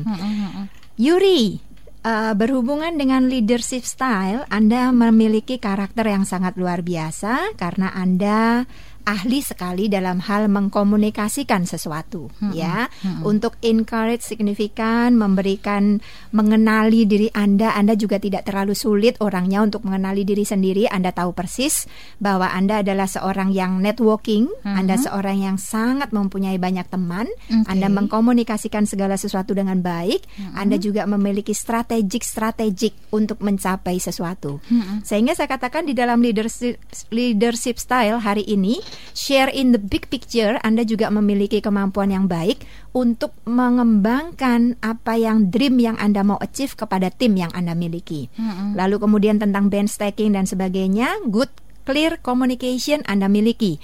Tetapi yang kurang adalah good listening. Hmm. Itu yang malam hari ini saya minta Yuri untuk belajar ya. Okay. Karena sometimes karena strategik yang Anda miliki, keunikan dan juga sense yang Anda miliki, seni yang Anda miliki, Anda kepingin sekali untuk maju, hasrat Anda besar sekali hmm. sehingga sometimes you are forgetting to listening. Hmm. Lupa untuk mendengar hmm. orang hmm. lain ya. Oke, okay, ini juga sebenarnya adalah keterampilan yang harus terus diasah ya. Kabar Betul. gembiranya adalah kita semua bertumbuh ya. Betul. Uh, artinya akan selalu ada perubahan uh, perubahan uh, dari hari ke hari begitu. Betul. Kecuali kalau kita sudah dipanggil sama yang punya kontrakan di dunia Betul ini ya. Sekali. Selesai deh pertumbuhan gitu ya.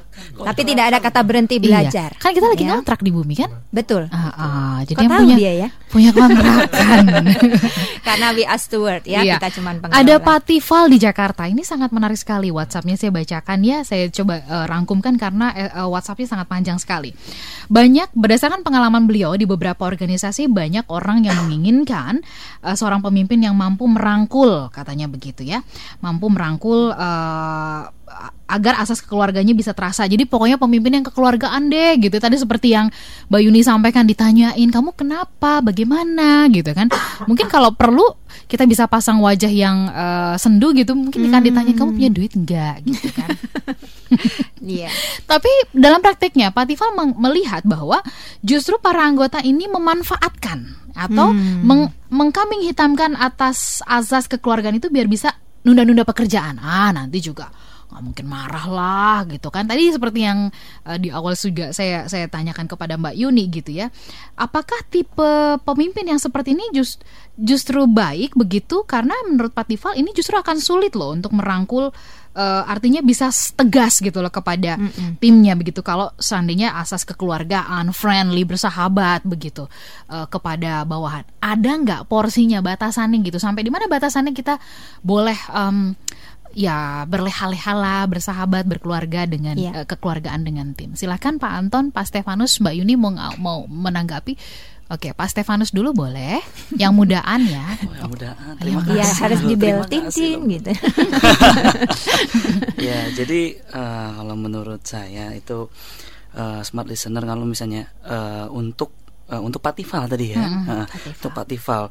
Jadi sebenarnya tidak ada yang memang tidak baik gitu sebenarnya baik aja bisa okay. tapi harus tahu uh, kapan caranya bagaimana caranya yang tepat mm-hmm. jadi uh, kalau misalnya porsinya mungkin ketika berada dalam jam kerja gitu, mm -hmm. mungkin posisikan memang seperti atasan, mm -hmm. gitu. Jadi memang harus memposisikan diri seperti atasan, okay. tahu bagaimana cara untuk mengorganisasi, beror, uh, uh, kapan caranya untuk memberikan seperti yang tadi Mbak Yuni sudah jelaskan reward punishment seperti itu dan kemudian uh, kalau mungkin misalnya di di luar mungkin bisa gitu sebagai okay. seperti teman hmm. dan tetap profesional saat jam kerja ya bisa yeah. menempatkan diri kembali sebagai seorang atasan hmm. gitu dan tahu cara menempatkan batasan yang benar hmm. gitu hmm. mungkin dari saya sih seperti itu oke okay, silakan mungkin Pak Anton ingin tambahkan iya uh, merangkul tapi juga terlalu merangkul yang akhirnya ujung-ujungnya bisa bisa jadi, jadi blunder ya uh, uh, kompromi juga lama-lama hmm. aturan perusahaan yang kita bikin sendiri kita rumuskan sendiri visi misi yang kita tuh sepakati bersama dari awal sendiri akhirnya kita kompromi sendiri hmm. yeah. itu memang pada dasarnya kalau di kita coba uh, lihat lebih dalam ya itu rata-rata didominasi yang namanya afeksi mbak Ola hmm. Hmm. perasaan jadi lebih dominannya ke perasaan gitu. Okay. Uh, Pola rasa ya. Betul, mengutamakan lebih mengutamakan uh, perasaan orang lain ya, mm -hmm. uh, mm -hmm. rasa aman, uh, togetherness segala macam. Okay. Itu pada kadar tertentu sih tertentu bisa dibilang sih nggak masalah sebenarnya ya. Mm-mm. Hanya kita harus imbangi juga sama yang namanya kognitif kita, apa logika kita. Mm-mm. Apakah kita tetap pada jalur atau kita hanya ini kan sifatnya temporary gitu loh. Iya. Ada Mm-mm. ada visi, ada goal yang harus kita raih gitu loh. Itu jangan sampai lupa, jangan sampai kita melenceng. Kuncinya adalah kuasai perasaan ya, lebih kuasai afektif kita. Kuasai juga di itu agar logika sama afeksi kita juga seimbang. Mm-mm. Ditambah betul sekali kata Pak Stefanus tadi sampaikan ya, well kita harus bisa menempatkan diri juga. Kalau terus-terusan kita eh, mengutamakan perasaan orang dan gini pada di depan mata kita sekarang mungkin itu tampaknya baik sekali, Ya. bagus sekali, perhatian sekali. Cuma kita lihat long termnya, jangka panjangnya, malah mungkin benefits yang bisa didapat oleh perusahaan mungkin nggak nggak mereka terima juga karena well akhirnya performanya menurun kan. Provo dan performa menurun ini juga akan sangat berpengaruh terhadap uh, performa perusahaan Mm-mm. gitu ya. Dan itu juga akan berimbas terhadap apa yang kita dapat. Kira-kira begitu ya, uh, Pak Anton ya. Iya. Ada Rizal di Pasuruan, ini yang bertanya gimana caranya kalau mau kirim tanda tangan. Anda boleh pergunakan lewat WhatsApp ya, eh, ke- supaya bisa difoto. Jadi Anda tanda tangan di kertas, kalau bisa, kalau boleh kertasnya putih, ya eh, jangan yang berwarna supaya bisa clear. Anda foto dan kirimkan lewat WhatsApp. Nah eh, ini eh, Pak Rizal di Pasuruan punya pendapat bahwa leader yang hebat itu bisa dilihat dari perilakunya di masa lalu, ya. Eh, bila masa lalunya kebanyakan baiknya, maka ke depannya bisa lebih baik, matur nuwun. Tapi pertanyaannya bagaimana kita bisa masuk ke masa lalu orang ya, gitu kan? Apakah kita cari tahu, cari-cari ngomongan apa segala macam atau bagaimana? Silakan komentarnya Pak Anton, Mbak Iya. ini, Pak Iya, Stefanus. jadi kalau menurut saya ya, kalau kita bisa sharing, kata Robert eh, Kiyosaki itu pernah ada pepatah ya, your future is created by what you do today, not tomorrow. Di sini juga tidak dimention. Mm-mm. Mr. Robert di sini juga nggak mention past. Well, oke, past itu memberi kita pengalaman, memberi kita pelajaran. Mm-mm. Tapi jangan judge orang atau itu bisa itu berdasarkan masa lalunya seperti ini loh. Mm-mm. Well itu udah jadi masa lalu kok, Mm-mm. gitu loh. Saya nggak tahan begitu Pak Anton bilang masa lalu. Saya juga langsung pengen nyanyi itu loh dangdut dangdut yang masa lalu. Waduh. Langsung bunyi di kepala ya. Oke. itu Coba, coba, ini langsung saya berusaha untuk memvisualkan Ah, gitu ah. loh. mungkin bisa satu bait dinyanyikan. Iya, boleh, boleh, boleh. Khawatir Pak Anton kalau Iya. ada produser yang dengar gitu. Kalau misalkan saya di apa diminta untuk rekaman nanti nggak ada yang siaran smart Waduh. karakter. Betul Ya? sekali. Ngeles banget ya. Ngelesnya jago Itu sekali. Pengenalan diri sendiri yang sangat bagus. Itu sangat bagus ya. sangat mengenal diri sendiri. Iya. Oke, jadi kita sepakat nggak boleh melihat semata-mata atau menjudge seorang berdasarkan masa lalu. Kalau masa lalunya baik udah pasti baik, atau kalau buruk udah pasti buruk begitu ya nggak Iya. begitu ya? Belum tentu juga. Ada orang yang masa lalunya mungkin bisa dibilang ya eh, kurang baik dan segala macam, tapi lihatlah sekarang dia. Mm-mm. Dia menjadi seseorang yang benar-benar menjalani hidupnya dengan sukses. Mm-mm. Kita selalu eh, menggaungkan bahwa sukses itu di mana kita menjalani hidup kita sesuai dengan talenta kita. Baik.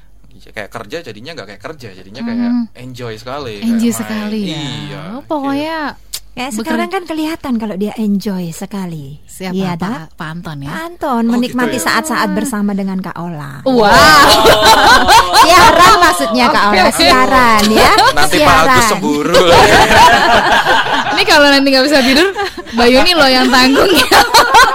Saya siaran maksudnya ya. Iya iya iya. Oke. Baiklah. baiklah. Kembali ke Pak Rizal yang ada di Pasuruan ya. Silakan. Pak Rizal, jangan eh, saya berpendapat begini Pak. Spion itu dibuat kecil saja di tengah ya, tetapi kaca depan untuk nyetir itu gede Pak. Ya, jadi jangan terlalu melihat ke belakang, tetapi banyak-banyak melihat ke depan. Balik lagi kuncinya adalah learning drive. Oke. Ketika orang memiliki masa lalu seperti apa pun, ketika dia memutuskan untuk belajar dan berubah, maka tidak ada yang tidak dapat, maksudnya tidak ada yang dapat mencegah dia untuk meraih kesempatan dan sesuatu yang lebih baik di depan. Hmm, hmm, hmm. Oke, okay.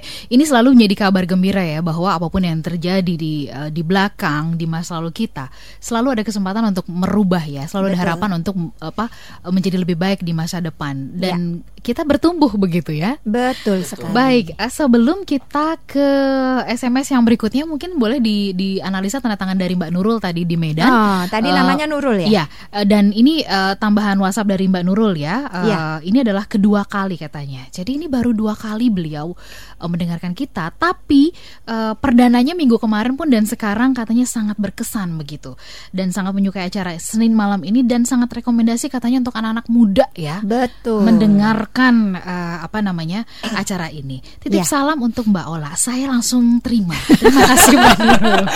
Iya, Mbak Nurul. Message receive. Selamat bergabung Mbak Nurul dan saya senang sekali Anda menyarankan setiap anak muda untuk mendengar siaran ini karena hmm. memang sedang ada sekitar 60 orang anak muda di Manado yang mendengarkan siaran kita. Hmm. Karena memang anak-anak muda sedang berlomba-lomba untuk mencapai destininya dengan mengetahui pola rasa, pola pikir, pola tindak dan mereka ingin achieve sesuatu okay. untuk bangsa dan negara. Mudah-mudahan ya. viral ya. Jadi tahu uh, apa uh, minggu depan 120. Betul. Ya kan? Minggu depan yang lagi ya. nambah jadi 180 hmm. begitu. Nah, ya, buktinya dari minggu lalu saya dengar Medan terus telepon dan WA. Betul nggak? Medan memang butuh dipulihkan. Iya. Yeah. Oh. Kalau gitu siap-siap ya. Kita Pak Gubernurnya juga lagi. Mm-mm. Iya. Pusing. Berarti kalau kita sedang ke Medan, Pak Anton, jangan lupa sapa-sapa nih Nurul iya. yang di Medan. Mereka iya. sering ke Medan. Sering karena ke kita ada klien ya? juga di Medan ya. Oke, okay, selamat malam. A- a- apakah agak panjang analisa dari Mbak Nurul ini? Ah, saya sedikit saja. Oke. Okay. Karena Mbak Nurul Anda adalah seorang yang sangat friendly, kemudian Anda lebih berorientasi kepada orang dibandingkan dengan kepada tugas. Mm-hmm. Dan kabar yang sukacita adalah Anda dikuasai atau dominan di di pola rasa. Hmm, hmm, hmm. Sehingga saya sarankan malam hari ini lebih banyak di pola pikirnya. Hmm, hmm. Ya, kalau di pola rasa setiap kali Mbak Nurul mengalami sesuatu atau setiap kali Mbak Nurul ingin memimpin sesuatu, karena malam hari ini berhubungan tentang performa, maka Mbak Nurul bingung mikir, enaknya kalau saya begini pas nggak ya? Jangan-jangan kalau saya begini kurang pas. Hmm. Kayaknya harus hmm. dirubah jadi begini deh. Kalau begitu, aduh, kayaknya ini begini deh, begitu. Jadi hmm. hmm. pola rasanya sangat penuh dengan pertimbangan sehingga tidak segera bertindak. Oke. Okay. Saran saya adalah langsung saja just do it Oke, okay. ya. Just do it, jangan banyak mikir. Betul. Oke. Okay. Smart listener nanti kita akan sambung kembali perbincangan kita masih ada setengah jam ke depan untuk kita bersama-sama dalam Smart Karakter. Untuk Anda yang ingin dianalisa tanda tangannya boleh kirimkan melalui WhatsApp di 0812 11 12 959. Smart Character bersama Power Character based on business transformation. Kembali Anda simak Smart, Smart Character, Character bersama Power Character based on Business Transformation. Kita sambung kembali perbincangan kita malam hari ini. Nah, uh, ini ada pertanyaan dari Pak Rahmat ya di Jakarta untuk uh, Pak Anton dan juga Pak Stefanus. Bagaimana kemudian bisa menjadi seorang pemimpin yang ideal versi Pak Anton dan juga Pak Stefanus? Sambil ini dijawab, saya akan berikan tanda tangan untuk dianalisa oleh Mbak Yuni ya. Malam hari ini kita kasih kesempatan lagi untuk sebentar saya coba pilihkan supaya semuanya uh, artinya kebagian nih hmm, ya untuk dianalisa. Minta maaf karena sering kali karena waktu banyak sekali yang tidak teranalisa ya Kak mm -hmm. ya. Oke, okay, ini uh, beliau adalah beliau bekerja sebagai uh, eh, HRD ya di sebuah perusahaan finance Mbak Yuni. Mm -mm. Namanya itu adalah uh, oke, okay, namanya adalah Dirgantara Putra. Silakan Mbak. Oke. Okay. Dirgantara Putra ya. Iya, Silakan Pak Anton dan juga Pak Stefanus untuk uh, menjawab pertanyaan dari Pak Rahmat ini silakan. Iya, oke. Okay. Tadi gimana kalau menjadi pemimpin yang ideal itu seperti apa gitu ya Mbak ya. Sebenarnya itu luas sekali loh Pak Rahmat kalau hmm. bisa kita uh, perhatikan ya. Okay. Pemimpin ideal, pemimpin ideal dalam hal apa? Hmm. Idealisme sendiri itu kan itu banyak sekali luas sekali ya. Okay. Cuma mari kita eh, nggak uh, usah jauh-jauh ngelihat orang. Coba kita lihat diri sendiri aja deh. Hmm. Gini, pada dasarnya uh, pemimpin itu juga harus perlu memahami berbagai macam pola yang disebutkan Mbak Yuni tadi ya, hmm. pola berpikir, pola rasa, pola perilaku, punya komunikasi tim kerja kita, selain mengenali profil diri kita juga hmm. gitu hmm. loh. Kalau kita kenal diri kita, kita tahu apa sih kekuatan kita, apa sih titik kritis kita. Baik. Pada setiap pola-pola itu, misalnya komunikasi kita cenderung ter terlalu direct. Mm -mm. Uh, sementara uh, tim kerja kita setelah kita lakukan pemetaan, kita lihat ternyata mostly lebih menggunakan afeksi Mm -mm. atau tim kerja kita tuh sensitif, peka terhadap eh, kata-kata uh, atau perasaan gitu loh, lebih Mm -mm. dominasi perasaan. Yang ada maksud kita nggak nyampe kan. Mm -mm. Mm -mm. Yang ada yang udah tersinggung duluan, udah ngambek duluan nanti tim Iya, kita. baper ya. Nah, Hmm, itu dia. Jadi sebenarnya uh, idealnya seperti apa? Kita harus memahami dulu tuh tim kerja kita dan diri kita sendiri, Mm-mm. sehingga kita punya gambaran nih tentang kecenderungan behavior tim kerja kita tuh kayak apa sih, Mm -mm. gitu. Sehingga dapat itu bisa jadi kompas atau acuan sih sebenarnya Mbak Ola. Mm-mm. Uh, kita mau mengembangin atau ningkatin efektivitas produktivitas kerjaan ini kayak ya, mau yang kayak gimana Mm, gitu. mm, Itu oke. dari saya. Baik. Eh, sebelum Mbak Yuni em, menjawab ya atau menganalisa tanda tangan dari Dirgantara tadi di Palembang ya. Iya. Saya mau ke Banjarmasin dulu. Di sana ada Pak Rashid. Ini adalah kali pertama dia mendengarkan smart karakter. Waduh. Ya, selamat bergabung Senang Pak Rashid. sekali ya. Sangat setuju dengan pendengar yang komen yang katanya ini adalah program yang rekomend untuk eh, kaum muda ya. Iya. Eh, kebetulan saya juga masih muda, sama dong ya. Semua Kita semua masih di muda, ruangan Pak. ini. Masih muda. Semua masih muda. Eh, setelah ini saya akan coba share ke teman-teman melalui sosial media komunitas parenting gitu ya Oh, di, di, di Banjarmasin. kasih, Boleh Rashid. kunjungi juga Facebooknya ya. Eh, Facebooknya apa? Mungkin Pak Stefanus sama eh, apa Pak Anton Smart Karakter ya? Iya, Smart Smart Karakter. Karakter, Iya. Dan Anda juga bisa ikuti foto-fotonya, eh, kemudian eh, catatan-catatannya di fanpage-nya Smart FM ya. Di Smart FM Anda klik gitu aja. Nanti Anda sudah bisa melihat. Betul, dan selalu kita difoto sama Kak Ola ya. Iya, Ah. betul sekali. Nah, bagaimana analisa dari eh, Mbak Yuni mengenai Pak Dirgantara Putra tadi di Iya, Palembang? selamat malam Pak Dirgantara Putra yang ada di Palembang. Bapak adalah seorang SR. Malam hari ini saya melihat bahwa Bapak memiliki pola pikir yang lebih dominan dibandingkan dengan pola rasa ya. Lalu kemudian juga Bapak adalah seorang leader yang tidak terlalu sulit untuk share big picture karena Oke. Anda bisa memiliki visi yang baik.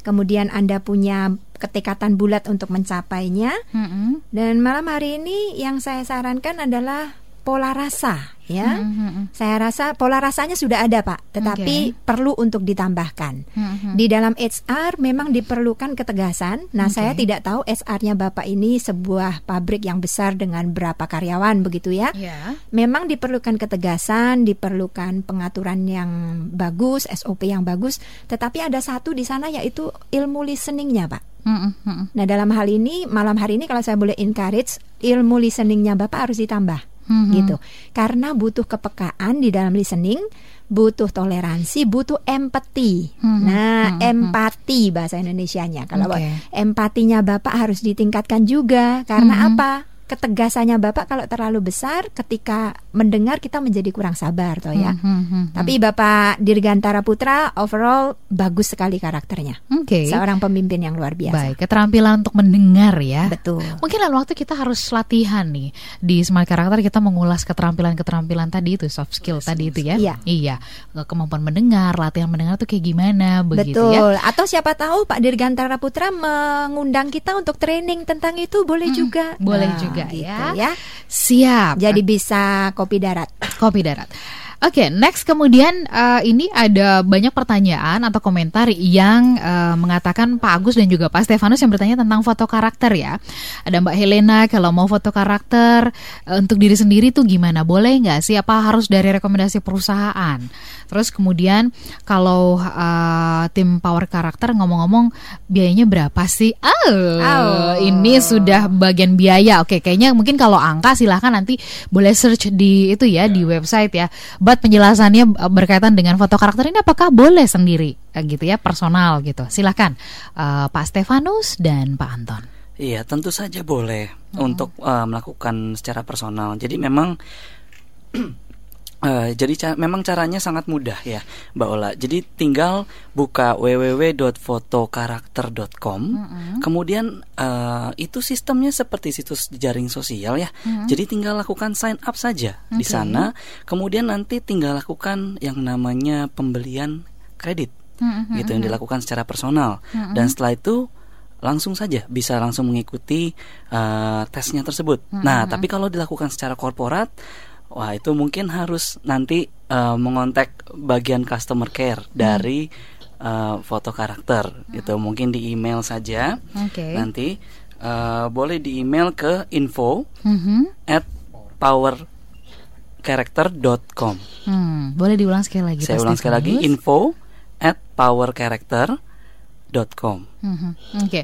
Pak Stefanus tadi ketika menjelaskan tentang foto karakter wajahnya tuh berbinar-binar begitu ya, oh, Mbak Yuni. Karena so exciting, so benar-benar exciting. Oke, okay. karena kita sudah uh, memberikan tes kepada ribuan orang. Hmm, dan hmm. boleh percaya boleh nggak masing-masing orang itu membawa exciting sendiri-sendiri. Hmm. menunjukkan bagaimana Tuhan tuh menciptakan kita. Uh unik kau unik banget ya. seandainya ya. okay. seandainya Kak Ola bisa ikut mereka. Waduh Jangan senang. dong. Senang sekali. Janganlah. Seru sekali. Sekali. Seru loh seru ya seru ya? Betul seru seru. Oke okay, oke. Okay. baik nanti lain waktu saya luangkan waktu untuk ikut Pak Stefanus ya. dan Pak Anton ya Pak Anton ya. Kalau nggak ya. mengganggu ya Pak. Oh, enggak. enggak senang Pak Anton. Senang kok Pak Anton. Seneng ya. Anton loh ya, bukan Agus loh. Saya udah bilang Pak Anton Baper ya, bapak kita yang satu ini ya. Iya. Mbak Yuni, Mangga, ini ada WhatsApp yang juga luar biasa dari Kabupaten Berau di Betul, Kalimantan Timur. Sampai Kalimantan so, Timur ya. Keren banget hmm, loh ya. Saya mau um, menyapa Kalimantan Timur. Oke, okay, saat ini menjabat sebagai Kepala Departemen Sosial Masyarakat di organisasi kampus katanya ya. Uh, Ibu Ratna ini terkadang terkendala dengan kepribadian yang mudi gitu ya. Betul. Ada pengakuan. Nah, yeah. uh, menurut Ibu Ratna nih, smart listener ya, saya bacakan WhatsAppnya sudah menjadi pendengar setianya Smart FM sejak tahun 2005 gitu ya. wow. ya. Dan ini yang saya sangat bahagia sekali mendengar, mem membacakannya. Semua program di Smart FM sangat mencerdaskan dan menginspirasi. Ya, memang itu saya akui wow. juga. Thank you so much Mbak Ratna, eh Bu Ratna ya. Saya jadi semakin semangat nih dengan teman-teman. Saya besok pasti akan ceritakan begitu ya. Kebetulan karena Ibu Ratna mengingatkan kami juga baru saja ulang tahun ke-11 tahun. Mm -mm, Jadi kalau. Bu Ratna ngikutin dari tahun 2005 berarti mm -hmm. Anda adalah pendengar setia Wow. Bapak Yakob Esra. Keren. Ya, Bu Rana boleh ya diinformasikan ke orang-orang di kampus ya? Ya, okay. di Kalimantan Timur, Kabupaten Berau. Berau. Ya, monggo silakan. Ya, selamat malam Ibu Ratna Latif. Mm -hmm. Anda seorang pribadi yang luar biasa. Kalau okay. misalnya berteman, saya senang sekali berteman dengan Mbak Ratna. Kenapa? Mm -hmm. Karena friendly, baik hati, okay. rela berkorban, tahan menghadapi tekanan. Oh, wow. Jadi selalu memikirkan apa yang baik untuk teman saya ya. Keren nah, sekali ya. Luar biasa kan kalau punya teman yang seperti ini. Karena itu malam hari ini saya katakan Anda cocok sekali menjadi kepala Departemen Sosial Masyarakat kampus. Mm -hmm. Karena Anda punya jiwa sosial yang tinggi. Mm -hmm. Tetapi memang kendalanya seperti yang Anda katakan, saya didominasi oleh pola rasa. Mm -hmm. Karena Mbak Ratna didominasi oleh pola rasa, timbullah yang namanya moody. Okay. Ya, sehingga tips saya malam hari ini untuk Mbak Ratna boleh meningkatkan yang namanya pola pikir okay. dan juga tindakan mm-hmm. sehingga apa apa itu tidak dirasa-rasakan mm-hmm. tidak dibaper mm-hmm. gitu ya mm-hmm. tetapi lebih dilogikakan mm-hmm. begitu mm-hmm. selalu dipikirkan wah kalau misalnya sakit hati atau misalnya patah begitu ya mm-hmm. salah satu titik kritis Mbak Ratna adalah mudah patah mm, oke okay. ya apalagi kalau sampai kayak begini nih lagi yeah, on yeah. air terus kemudian saya jelekin Mbak Ratna di depan orang banyak hmm. langsung patah. Hmm, hmm, hmm, nah ketika itu terjadi Mbak Ratna, saya sarankan untuk Mbak Ratna bisa encourage diri Anda sendiri. Tadi Bapak Anton sudah mengatakan alangkah bagusnya bila kita mengenali diri sendiri. Kalau sudah kita sudah tahu bahwa saat patah itu kita mudi itu kita patah, lalu kita encourage diri kita sendiri dengan pola pikir. Iya, Katakan yeah, pada yeah. diri Anda, Ratna, apa yang dikatakan orang itu tidak benar hmm, dan itu tidak ada faedahnya buat kamu. Okay. Jadi nggak usah didengerin. Hmm. Ya, mm-hmm. nanti kalau Mbak Ratna melakukan tes foto karakter akan lebih lengkap karena Pak Anton dan Pak Stefanus akan bisa melihat dari mana gate of belief yang Mbak Ratna miliki. Mm-hmm. Kalau misalnya ternyata gate of beliefnya adalah telinga, menjadi titik kritis lagi karena mm-hmm. begitu mendengar perkataan orang Mbak Ratna patah. Nah, ketika itulah Mbak Ratna harus ngomong lagi, diucapkan, suaranya Baik. dikeluarkan supaya telinganya dengar lagi. Yeah. Ratna, kamu harus maju karena kamu tuh orang luar biasa. Kamu tuh orang yang banyak temennya. Kamu tuh orang yang bisa mengangkat orang lain. And move on. Oke, okay. baik smart listener kami juga harus move on dari menit-menit ini gitu ya. kita harus break ya? dulu ya, kita harus yeah, break iya. dulu. Yeah. Uh, dan nanti di sesi yang terakhir masih ada kesempatan beberapa tanda tangan untuk kita analisa Pak Anton, uh, kemudian Pak Stefanus dan juga Mbak Yuni. Kami kembali sesaat lagi. Smart Character bersama Power Character based on Business Transformation. Kembali Anda simak Smart, Smart Character, Character bersama Power Character based on Business Transformation. Baik, semua listener kita sambung kembali dan uh, saya coba uh, teringat sekali gitu ya dengan uh, beberapa kali Pak Yakub atau juga uh, kita membahas ini mengatakan bahwa sering kali orang masuk ke dalam sebuah perusahaan atau membangun bisnis itu karena kompetensi. Tapi kemudian uh, ketika dia keluar atau ketika gagal itu karena karakter. Betul. Dan itu sebabnya malam hari ini siapa pun kita dan siapa pun Anda yang menjadi leader, apakah menjadi calon leader, bahkan kita semua sebenarnya adalah leader buat diri sendiri ya, ya. gitu kan. Uh, kita membutuhkan uh, perbaikan-perbaikan karakter dari hari ke hari begitu ya. Nah, ini ada pertanyaan yang sangat menarik sekali dari uh, Mbak Nona di Jakarta.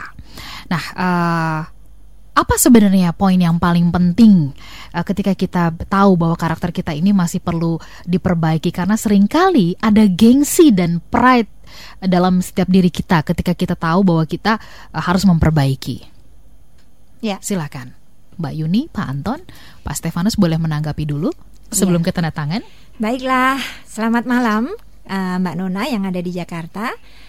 Malam hari ini pertanyaannya ketika kita tahu karakter-karakter yang kita miliki, kemudian apa yang harus kita lakukan, maka saya mengatakan kita harus right response seperti mm -hmm. yang mm-hmm. dikatakan Pak Anton tadi yang pertama.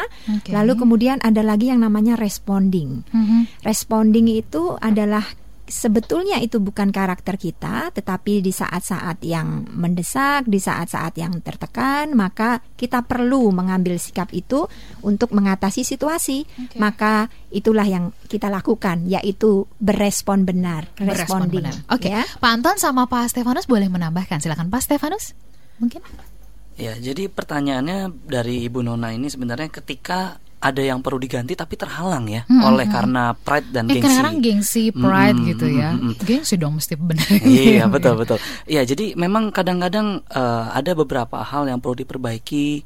Uh, cuma mungkin seperti ini ya, uh, Ibu Nona ya mungkin hmm. uh, saat kita berhadapan dengan uh, gengsi itu itu sebenarnya adalah penghalang untuk okay. kita meraih kesuksesan kita sendiri sebenarnya. Mm-hmm. Karena ketika kita sebenarnya berubah, yang diuntungkan sebenarnya bukan hanya orang lain loh, okay. tapi juga diri kita sendiri diuntungkan. Mm-hmm. Karena kenapa? Pengaruhnya positif dan mm-hmm. orang lain pun bisa lihat kita tuh sebenarnya bisa untuk berubah. Okay. Nah, jadi sebenarnya adalah melihat mengapa saya perlu berubah sebenarnya? Apakah hmm. memang uh, karena saya membutuhkan itu atau ada orang lain membutuhkan itu? Hmm. Lebih tepatnya sebenarnya karena kita sendiri yang membutuhkan itu sebenarnya, Bu hmm. Nona. Hmm. Jadi memang harus bisa overcome okay. rasa pride-nya atau rasa gengsinya itu supaya masing eh, masing-masing pihak bisa merasa istilahnya terberkati dengan adanya hal tersebut, ada ada adanya perubahan tersebut. Oke, okay. ada Pak Jo di uh, Yogyakarta, Pak Anton yang bertanya, sebenarnya kalau kita menjadi pemimpin, siapa yang harus beradaptasi, anak buah beradaptasi kepada pimpinan atau pimpinan yang beradaptasi kepada timnya? Silahkan. Mm -mm. Itu pertanyaan sangat menarik sekali dari Pak Jo ya dari, mm -mm. dari Yogyakarta. Ya oke, okay. siapa yang harus beradaptasi, pemimpinnya mm. atau anak buahnya? Kalau saya bilang bukan bahasanya bukan beradaptasi atau menyesuaikan. Okay sebenarnya lebih ke beresponding ya. Mm-hmm. Kalau menurut saya lebih ke dua-duanya. Mm-hmm. Uh, apa ya? Willingness dari pemimpin untuk untuk uh, lebih bisa mendengar, menggunakan uh, communication skill yang bagus. Communication skill yang bagus kan nggak cuma gimana kita deliver message kita, tapi juga kemampuan kita menerima hmm. input atau feedback dari bawahan. Dari bawahannya juga uh, harus bisa lebih membuka uh, hati ya dan hmm. pikiran kita bahwa well uh, somehow he's our leader gitu loh dan hmm. he or she ini juga uh, tanggung jawabnya besar gitu kepercayaan. Jadi ada lebih ada kepercayaan dan respon yang benar dari antara atasnya dan bawahannya. Baik. Siapa yang lebih harus banyak kalah? Waduh, itu kayaknya okay uh, relatif sekali untuk dijawab. Iya, yeah, Oke, okay. jadi ini bukan soal siapa yang beradaptasi, tapi bagaimana keduanya bisa saling berespon, bersinergi, iya, begitu betul. ya. Oke, okay. jadi uh, ya mau nggak mau anak buahnya masih terima ya atasnya memang sudah begitu. Mari kita berespon terhadap sikap dia, yang atasnya juga begitu ya, beresponlah ya, terhadap anak buahnya. Berespon benar. Mm -hmm, Oke, okay. baik, Mbak Yuni boleh dianalisa ini dari Manado ada Markoven ya? Betul, yang uh, terakhir kayaknya yang ya, terakhir karena ya. waktu kita ya. Mm -hmm. Selamat malam Markoven yang ada di Manado. Dia mengatakan umurnya baru 27 tahun. Saya masih muda sekali. Mm-hmm. Tetapi saya mau congratulation karena semuda ini Anda sudah menjadi manajer agent properti. Wow, wow selamat ya. ya. Selamat ya. Dan karakter kamu bagus sekali. Kamu orang yang cinta damai, kamu orang yang sangat suka menolong orang lain. Tetapi ada juga titik kritisnya yaitu kamu selalu besar di pola rasa. Mm-hmm. Ya, karena itulah yang membuat Markoven merasa bahwa malam hari ini, aduh, pantas nggak sih saya jadi manajer? Saya masih muda, sementara yang saya pimpin ini semua sudah berumur, begitu ya. Mm-hmm. Nah, Markoven satu hal yang harus kamu ingat adalah janganlah seorang pun menganggap engkau muda, mm-hmm. tetapi jadilah teladan di dalam perkataanmu, di dalam perbuatanmu, di dalam apa pun yang kamu lakukan, berusahalah untuk menjadi teladan. Okay. Dan itu nggak usah masking tetapi hmm. ketika ada greatness, ada nilai kebesaran di dalam dirimu, maka itu kamu tidak perlu pura-pura it will be show up by time gitu ya. Baiklah, ya. oke. Okay. Ini menjadi uh, tanda tangan yang terakhir yang kita analisa ya betul, malam hari ini. Betul. But don't worry karena minggu depan kita masih punya kesempatan untuk membahasnya. Uh, saya berikan kesempatan satu menit satu menit untuk Pak Anton dan juga Pak Stefanus menjadi catatan dari Anda berdua berkaitan dengan topik kita malam hari ini. Bagaimana kemudian karakter dari seorang pemimpin itu bisa uh, dimaksimalkan untuk memaksimalkan uh, tim yang dipimpin. Nanti terakhir akan uh, Bayuni memimpin kita dalam ya apa namanya uh, peredaman begitu ya. Yeah. Silakan Pak Anton. Iya. Uh, kalau menurut saya yang bisa saya share kepada smart listener di sini adalah uh, milikilah karakter yang tahan uji.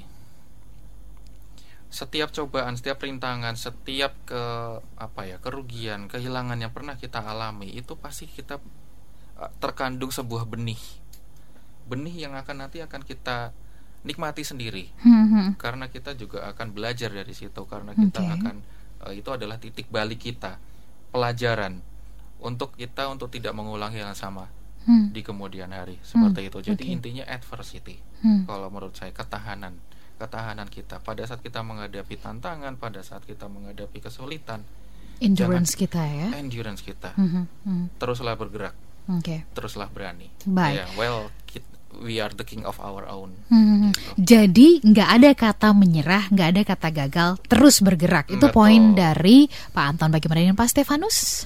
Ya kalau dari saya sendiri mungkin yang pertama itu adalah dan yang terpenting tentunya sebenarnya pemimpin yang baik itu harus tahu, harus mengerti timnya itu seperti apa, hmm. bagaimana pola pikirnya, bagaimana pola rasanya, bagaimana pola perilakunya, bagaimana pola komunikasinya, hmm. gitu.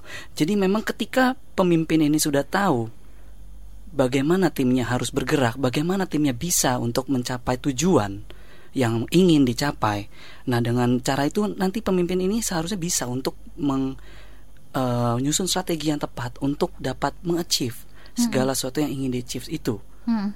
Ya, uh, mungkin jadi di sini adalah pemimpin harus tahu timnya seperti apa dan Baik. bagaimana cara dia harus memimpin timnya. Baiklah, kenali uh, tim yang diawali dengan mengenali diri sendiri ya. Betul. Oke, okay. terima kasih Pak Stefanus. Uh, giliran Bayuni mungkin boleh kasih catatan sedikit sebelum peredaman barangkali. Sudah cukup. Langsung saja. Langsung saja. Iya. Silakan Bayuni. Smart listener di mana pun Anda berada malam hari ini kita telah belajar dengan tema Maximizing Work Performance Through Character.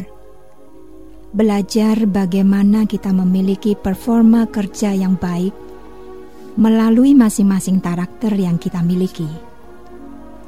Ada empat hal, ada empat macam, ada empat uniqueness yang dimiliki pemimpin yang kita belajar malam hari ini. Bagaimana Anda belajar untuk mengenali diri Anda sendiri? Bagaimana Anda bisa menginfluence people dengan big picture, dengan visi yang besar yang Anda miliki? Lalu bagaimana Anda menjadi team player dengan sekian macam layer? Dan juga bagaimana Anda menjadi good communicator, orang yang berkomunikasi dengan baik sekaligus juga Anda menjadi pendengar yang baik. Ada banyak teori, ada banyak hal yang bisa kita lakukan. Tetapi malam hari ini yang mau saya katakan adalah seandainya Anda tahu kekuatan besar yang ada di dalam diri Anda. Seandainya Anda tahu kemuliaan apa yang Tuhan nyatakan di dalam hidupmu, maka tidak perlu banyak bicara untuk menyatakannya tetapi biarlah setiap tindakan kita, setiap nilai-nilai yang kita berikan kepada orang lain, menggambarkan kemuliaan dan kebesaran yang Tuhan taruh di dalam hidup kita.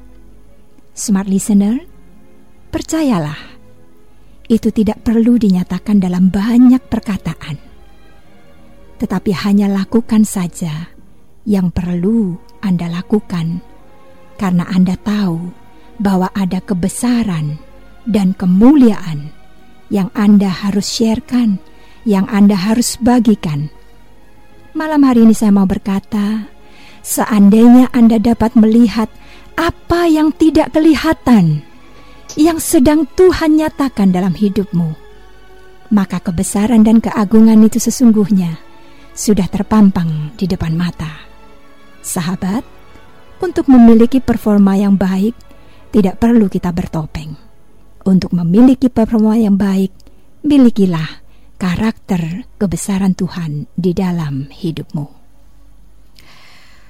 Miliki kebesaran karakter dari Tuhan karena ketika emas akan tetap menjadi emas, tembaga akan menjadi tembaga, tidak akan pernah tertukar ya. Smart listener, eh, selamat memaksimalkan diri Anda untuk bisa memaksimalkan tim Anda dan juga perusahaan atau bisnis yang Anda pimpin. Ya. Kita ketemu minggu depan dalam Smart Karakter juga. So, are you life transformer?